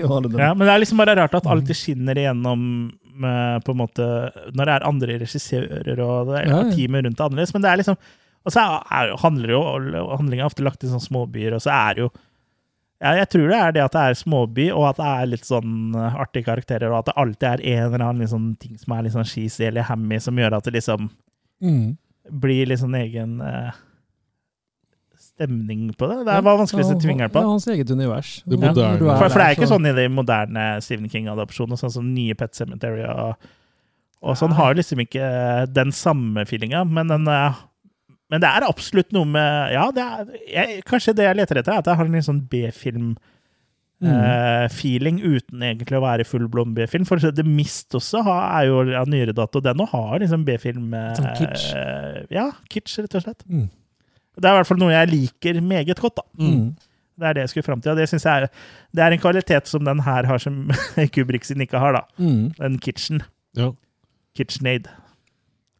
Ja, det også som jeg føler er litt mer sånn fleshed out her, er jo den hva The Shining er. Eller ikke nødvendigvis hva, men hvordan det fungerer. da.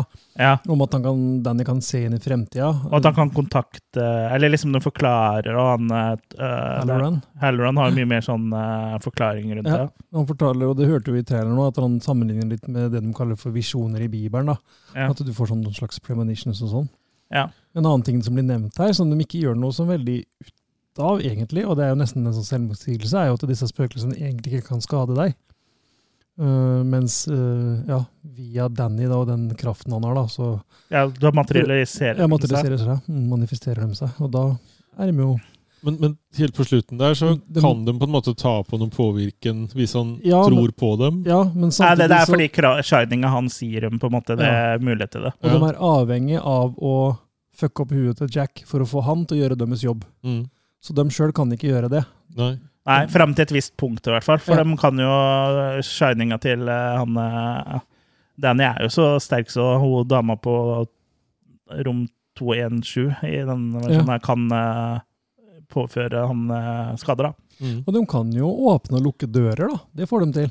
Ja. For de åpner jo opp eh, i eh, filmen, så åpner de jo opp døra hvor Jack er låst inne i det der eh, pantry. Ja, men Men noen spekulerer om det var Danny.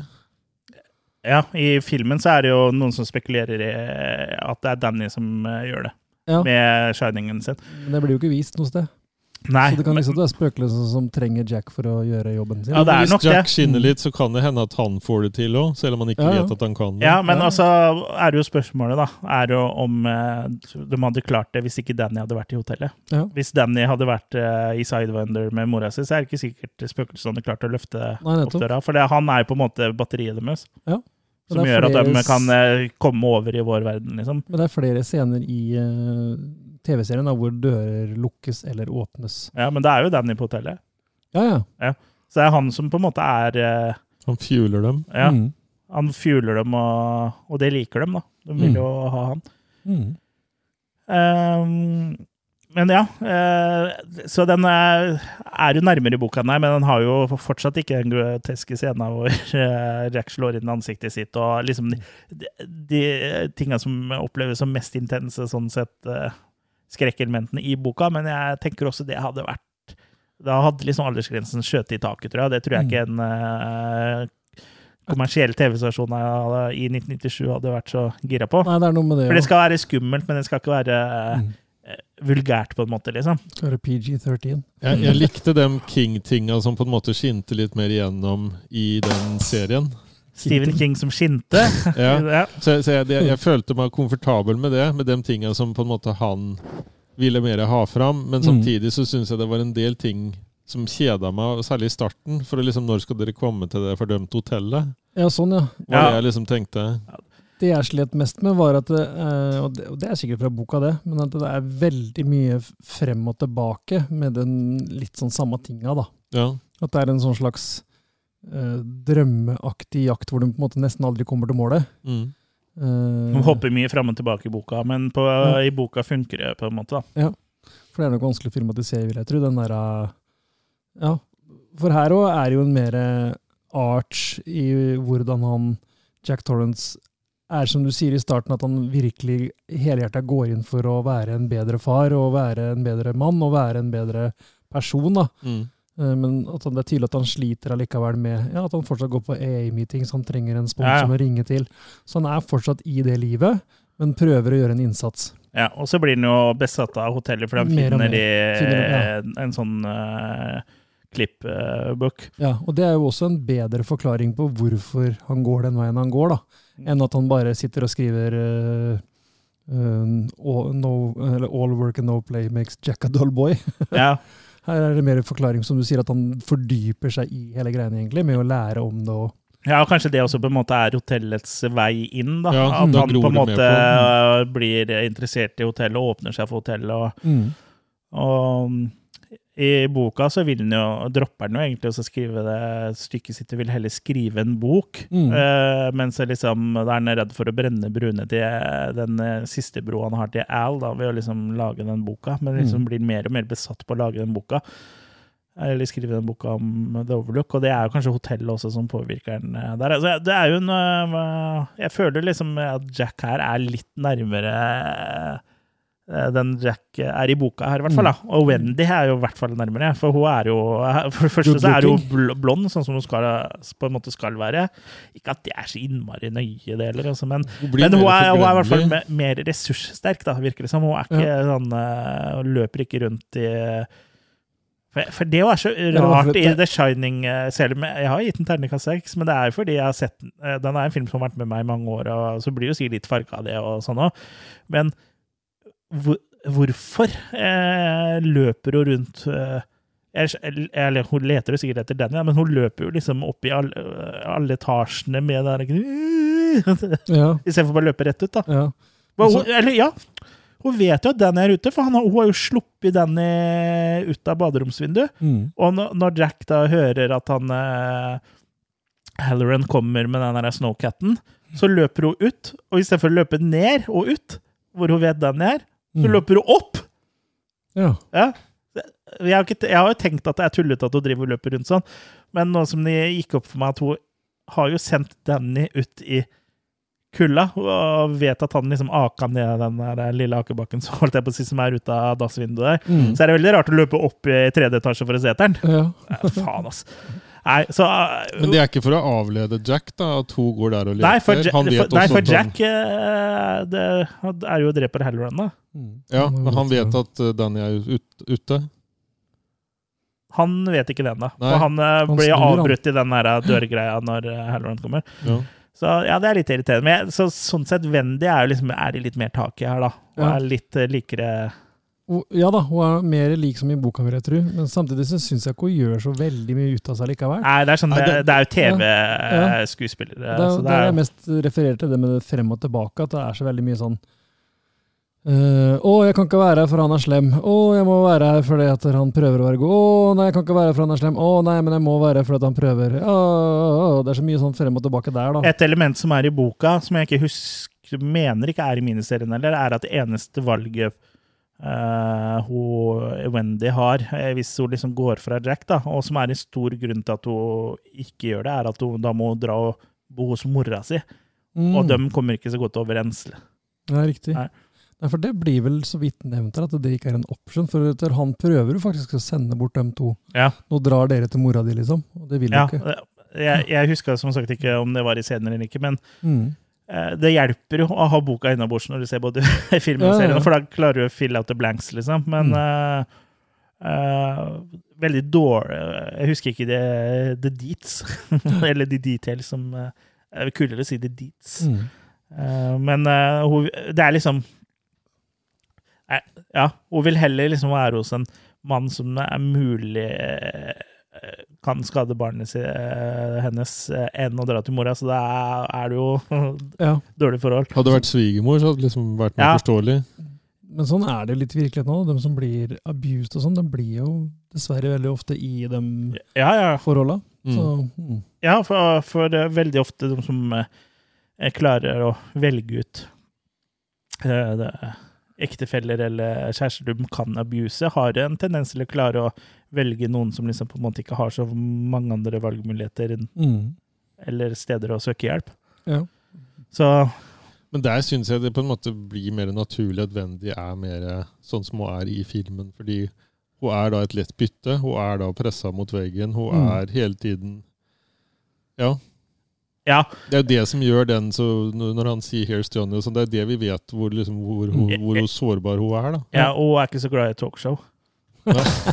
Men uh, ja, men det er liksom det som Det er den eh, mest Kanskje en gripe for dem som har lest boka, for det er liksom uh, Det er jo en helt annen Winifred uh, du møtte Mm. der. Ja. Ja, det er et bra navn, altså. Men Ja, nok men jeg fikk aldri noe sånn veldig sånn, sånn, sånn følelse når jeg så liksom den karakteren i, i serien da, kontra i filmen.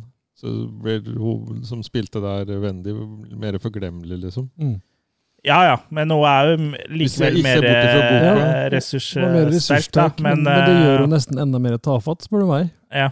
Fordi at hun egentlig burde ha styrken til å gjøre noe med det, men hun gjør det ikke likevel. Eller hun, gjør det, hun prøver hver gang det er for sent, da. Når han Ja. ødelegger radioen og ja, men det, er- det er jo litt sånn typisk i real Ja. life òg, det. Ja. Men uh, Kanskje hun burde gitt den en sånn derre Den derre hun slår i hodet på den Kanskje han egentlig bare skulle slått klokket, liksom? Ja.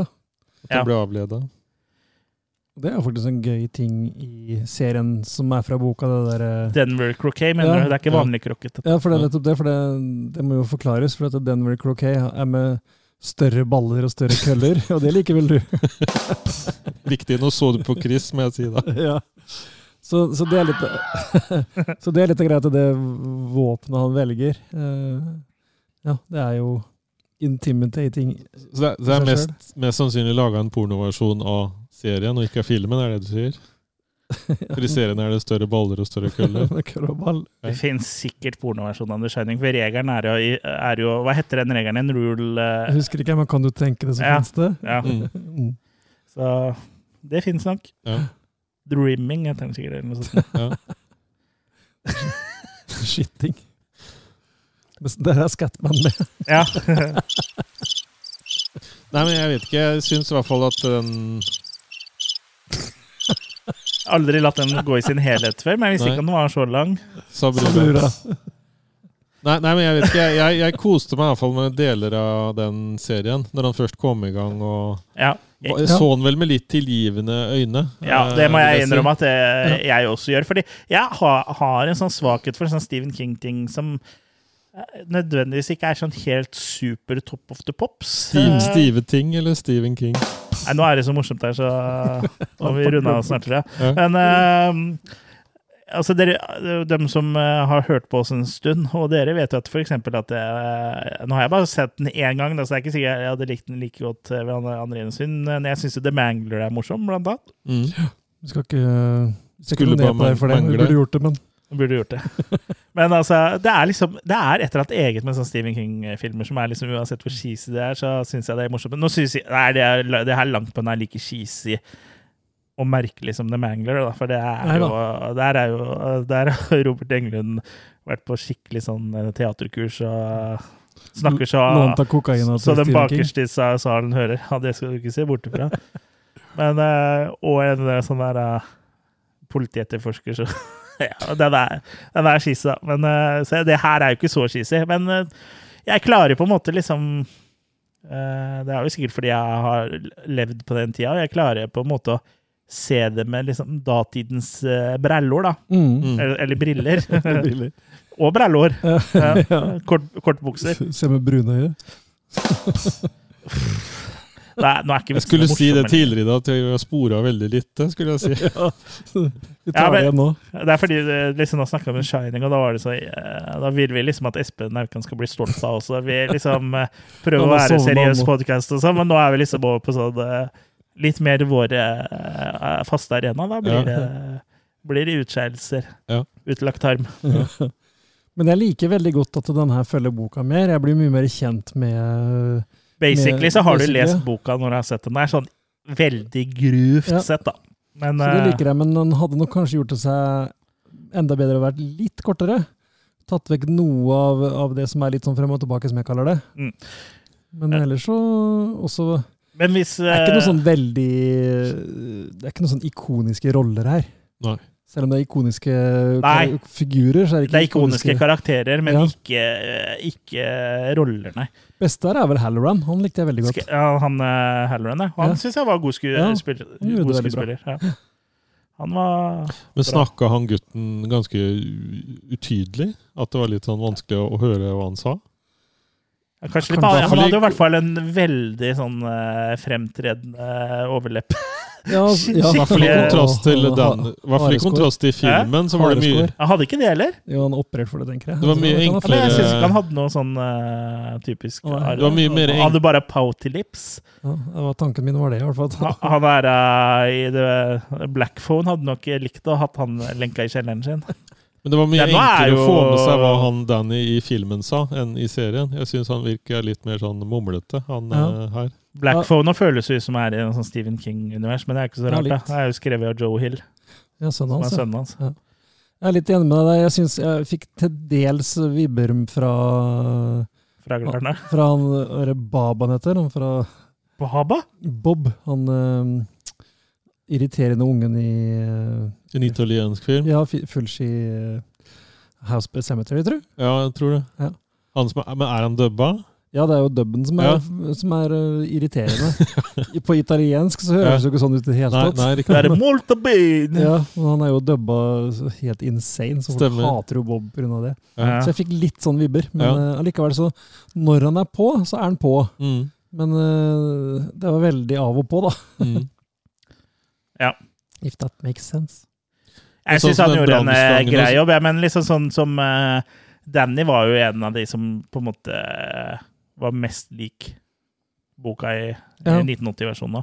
Mm. Ja, brannslange nå er jo en stor greie i boka, at han er redd for de eh, brannslukningsslangene. Men den syns jeg de kunne også gjort mer ut av. Den kunne tvinna seg rundt beina Han hans og fått den til å ramle, eller et Ja. Han eller var jo inne, da. Hæ? Fikk ikke gjort noe mer ut av han. han. jo- Men uh, sånn i boka så er det sånn at han liksom sniker seg forbi den, og den ler jo ikke på seg, men plutselig så gjør den det. Mens her så er den jo litt sånn mer sånn eh, frykt for slanger. Ja, men det blir så plumpt. Ja, for Og her ja, bruker du jo den uh, biten litt mer som sånn der jump scare, bare. Ja, men det fungerer jo ikke. Nei, men i boka så fungerer det veldig bra. Ja. Mm. For der er den liksom redd for slangen og sniker seg forbi, og sånn, så plutselig uh, hopper han etter den, liksom. Men det står ikke noe om at han har tenner eller noe, så det er sånn Mm. Det har noe her. Er- Den er jo i CGI. Den var ikke så dårlig som heksene. ikke Ikke med tanke på at 97, liksom. Hva slags Nei, datamaskin hadde du i 97, liksom? Amiga 500. Amiga 500. Hadde nok det. Mm. Men jeg tenkte Eller liksom Atari, PC-ene de satt og lagde uh, Når kom Datagrafikken- Terminator 2? 1992? Ja. Vel? ja. 1991, kanskje? Jeg husker ikke. Men t- også T-Ray, eller Ja, 93. dinosaurene i Jurassic Park i 93 og sånn, de, altså, de hadde jo kraftige datamaskiner i forhold til andre, men i forhold til for eksempel en telefon her, er, eh, iPhone her er sikkert uh, tusen ganger Å, ja, kraftigere ja. enn det. liksom. Det er bare så rart å tenke at de må sitte og holde på med det. Mm. Og så ser det fortsatt så bra ut i dag, da. Mm. Men da har de jo på en måte tatt høyde for De har jo brukt det riktig, da. De Mm. har liksom visst svakhetene og jobba rundt det og brukt animatronics og skygger og ja. Det er en annen annen diskusjon. De kunne vel kommet mye bedre ut av det med å bruke mer praktiske effekter da, i Ja. den 97-serien. De Ja, det, det gjorde de jo. Det er bare de hekkene og den ja, men tenk deg å slangen. bruke dem mer som sånn Ray Harryhausen-greie, liksom. Det hadde vært mye Stop kulere. motion, ja. Det hadde vært kulere. Mm. S s ja. Det hadde, hadde. Men det kan jo hende at det, det også var, var ikke så mange som drev med det, kanskje? eller? Nei, det var det jo heller ikke. Ja, ja ikke for det. Det er jo Tim Burton hadde ikke blitt animatronics, da. Ja, det brukte de jo, Mm. eh, men bare på nærbildene og sånn. Mm. Eh, Det funka jo i den eh, Robocop 3, så. Den der roboten. Jeg husker jeg ikke. Ja. Var det CGI? Eller nei, det var stop motion. Ja, ja. Ja det var vel. Det er det jo eneren nå. Ja. Når, ja, i hvert fall, ja men den svære som bare ramler sammen, og sånn, det ser jo så dårlig ut. Men i toeren, Ja. der er det full motion, ikke stop motion. I hvert fall i din, si. Både Men, hva, inn- og utkjøring. men, men, men dem som drev med sånn stop motion, hva, hva var liksom slagordet dem når de går til streik og ikke vil jobbe? Stop motion. Stopp stop motion. Ja. Stop, stop motion. Ja, ja, det må du spørre Harryhausen om. Ja. Mm. Nei, men eh, skal vi oppsummere litt? For nå føler jeg at jeg skryter. Jeg liker The Shining 1997. Altså, Ja, ja, ja. er litt hammy, og den er litt campy og sånn. Og det er jo selvfølgelig en type serie som uh, miniserie som ikke dukker opp lenger. For TV-serier har liksom utvikla seg så veldig siden 97, da. Men uh, i 97 så var jo det her top of the pops, holdt jeg på å si. Mm. Det er, selv om det bare liksom var to år før uh, TV-serier på en måte ble snudd på hodet, da. For da kom Hotell Mm. Ja. Eller Sopranos, da. Ondskapens hotell, Cæsar. For Hotell Cæsar er jo fortsatt veldig TV, TV da. Mm. Mm. Så uansett hvor bra du syns det er. Men jeg, jeg, det følger jo boka. Jeg syns jo egentlig at det er på en måte Det sier seg sjøl siden det er Stephen King som uh, har pusha på det, men det er jo forfriskende at den ikke henter noe fra The Shining, da, eh, til eh, Kubrick.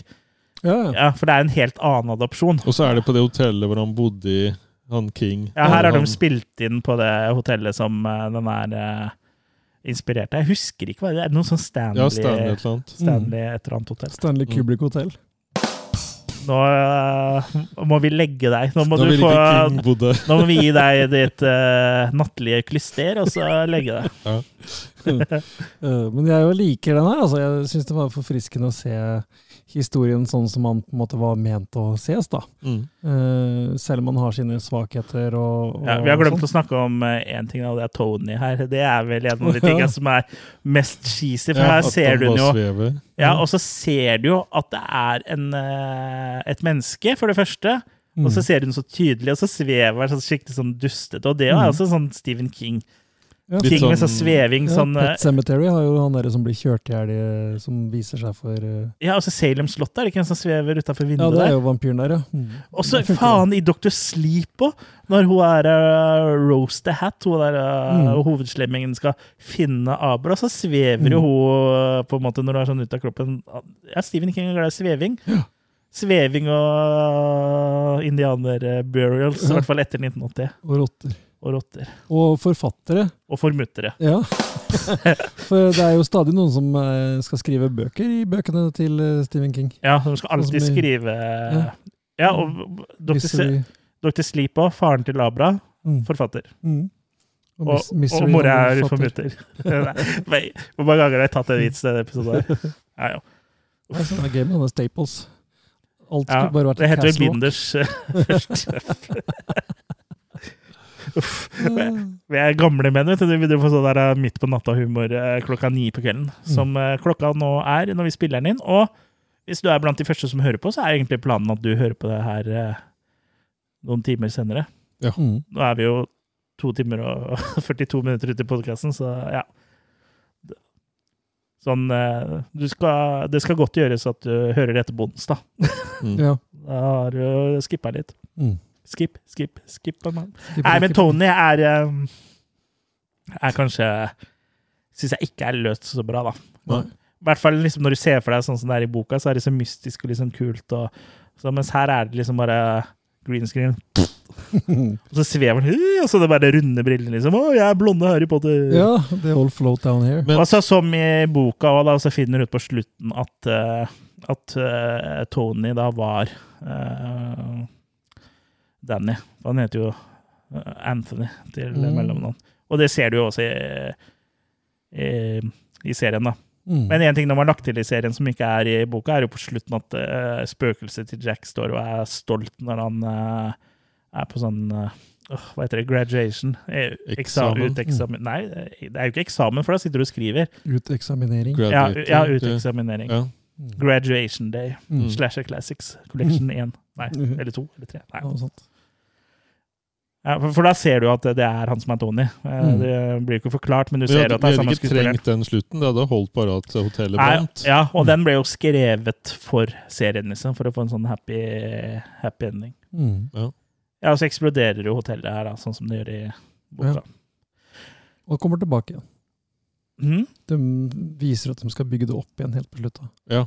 Ja. Det, ja, vi ser at det bare har brent, også at det, Mm. liksom Ja, det tror jeg Er heller ikke er i boka, hvis ikke jeg husker ja, Det er også sånne ting ikke jeg egentlig vil se. Ja, tror det jeg. trengs ikke helt opp. Nei. Eh, Waste. kunne løst slutten helt Mm. annerledes. Nå har jeg ikke kommet så langt i Dr. Sleep-boka ennå, men eh, spoiler eh, for filmen i hvert fall, der drar de tilbake til The Overlook. Mhm. Så jeg bare lurer på hvordan den delen av historien er i boka. I og med at når boka starter, så har det brent ned. Mm.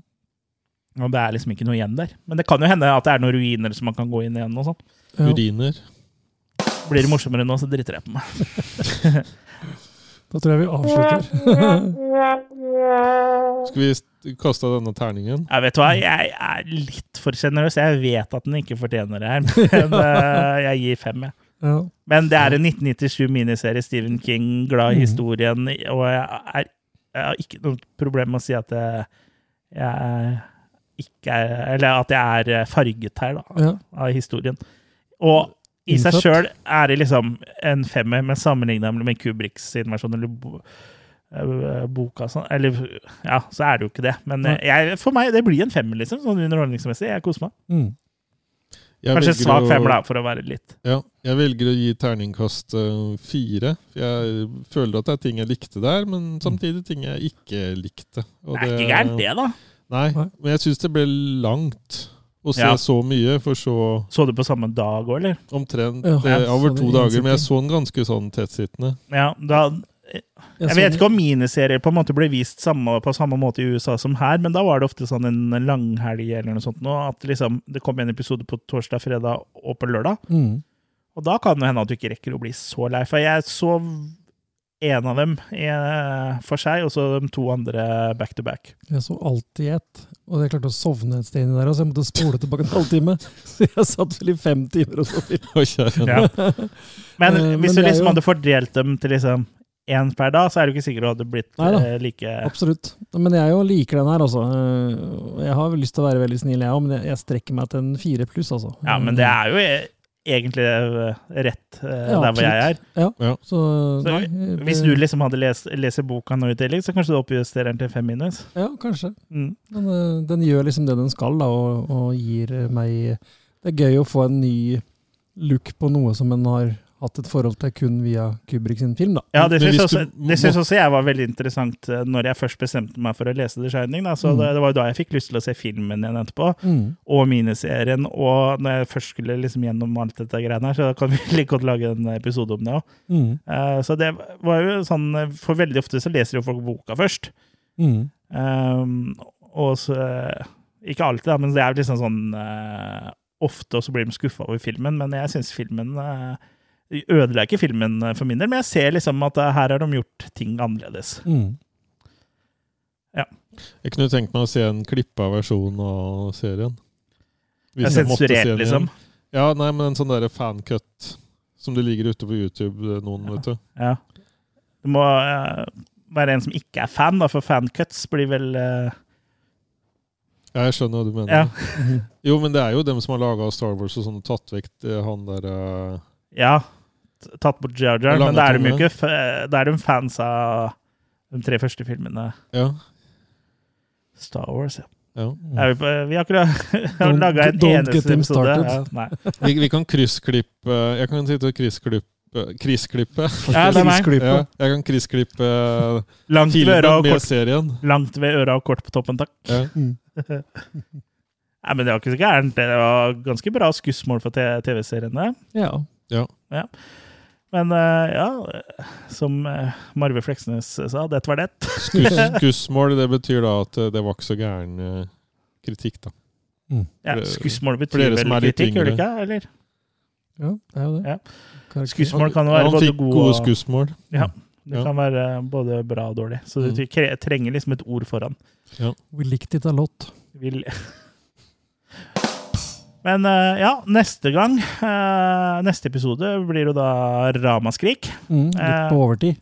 Det blir litt på overtid, for vanligvis så kommer episodene våre på onsdag, kanskje torsdag. Men da er jo vi på Ramaskrik. Du og jeg, Kurt, vi, tar turen dit eh, i år. Mm. Så da kommer vel antageligvis ikke episoden vår før på søndag, antageligvis da. Mm. Så det blir noen dager forsinka. Men det var liksom alternativet var å komme med en annen episode som vi spiller inn på forhånd, som da blir gitt ut på onsdag, og at uh, Ramaskrik-episoden ikke kommer før to uker etter det igjen. Mm. Kommer... Som da er nesten som er halvannen uke etter det har vært, så da velger vi heller å bare forskyve eh, neste episode et par dager, da. Mm, Og den kommer jo til å være rykende fersk, da. Ramaskrik er rykende fersk. Ja. Og da har vi forhåpentligvis håper vi intervjuer med Mick Garris og litt sånn forskjellige snacks, da. Mm. Og fram til det, Kurt, hvis folk eh, føler de vil ha mer Attack of the Killer Cast eh, før den episoden kommer, hva kan de gjøre da? Da rusler de eh, først og fremst inn på sitt podkastapparat og hører på en av de andre strålende episodene vi har. eh, Ja, det er 173 170, ja. Bakover. Eller så kan de selvfølgelig gå på eh, YouTube. YouTube og se noen uh, gamle videoer. Kanskje det kommer noen nye? Noen Kanskje kommer noen fra Ramaskrik? Ja. Vi får se hva vi følger for. Ja, No, noe får vi Noe Ja. En liten uh, Situasjonsrapport. Ja, det Ja. må vi få til. Og Også, kanskje det kommer noe på attackofthekillercast.com òg. Ikke mulig at det kommer noen eh, skriftlige snutter derifra. Mm. Og vi, det ligger allerede en anmeldelse der av eh, eh, The House of the Fall of Nei, The Fall of the House of Usher ligger jo der allerede. Hvis du har lyst til å lese den. Nå har jeg jo anmeldt den i denne episoden her, men det står litt mer om den der. Mm. Ellers så er vi jo selvfølgelig på Facebook, både med vår faste side og med community-siden vår, eh, Losers Club. Ja, Den tror jeg du kan trykke deg via hovedsida. Jeg er litt usikker på det. Facebook eh, forandrer på ting hele tida. Ja. Det er så vanskelig å navigere. Så Også Instagram. Attack of the Killer Cast. Ja. Og Også Onlyfans, hvis du vil kjøpe sokker som jeg har hatt på meg mens jeg har sett på skumle filmer. Og så, eh, i hvert fall vår versjon av OnlyFans er å bli premiummedlem. da. Hvis du går på attackofthekillercast.com slash go premium, så kan du bli premiummedlem da, og støtte oss med alt fra 39 kroner måneden opp til eh, 99, tror jeg det er. Og da kan du også, eh, hvis du velger den uh, Killercast Collector som er 99 kroner måneden, så kan du også velge hva vi skal snakke om, da. Men, men vi setter ikke noe tak, så hvis det er på en måte en lytter som har lyst til å gi en million til Killercast, så, Ja, ja. så oppretter vi eget abonnement for det. Ja, på nettsida vår så, så er det en sånn eh, link du kan trykke på for å bare donere til sånn PayPal Donations. Ja. donations. donations. Ja. Vi kan sikkert overta litt av pengene til han Finnes og sånn også, og bruke det til Ja. Sindre, da gi oss litt noe cash, da. Da blir vi habile. Ja. Yes, men det var eh, det for denne gangen. Og da Ja. Da snakkes vi neste gang, da vel. Shalabais. Ha det!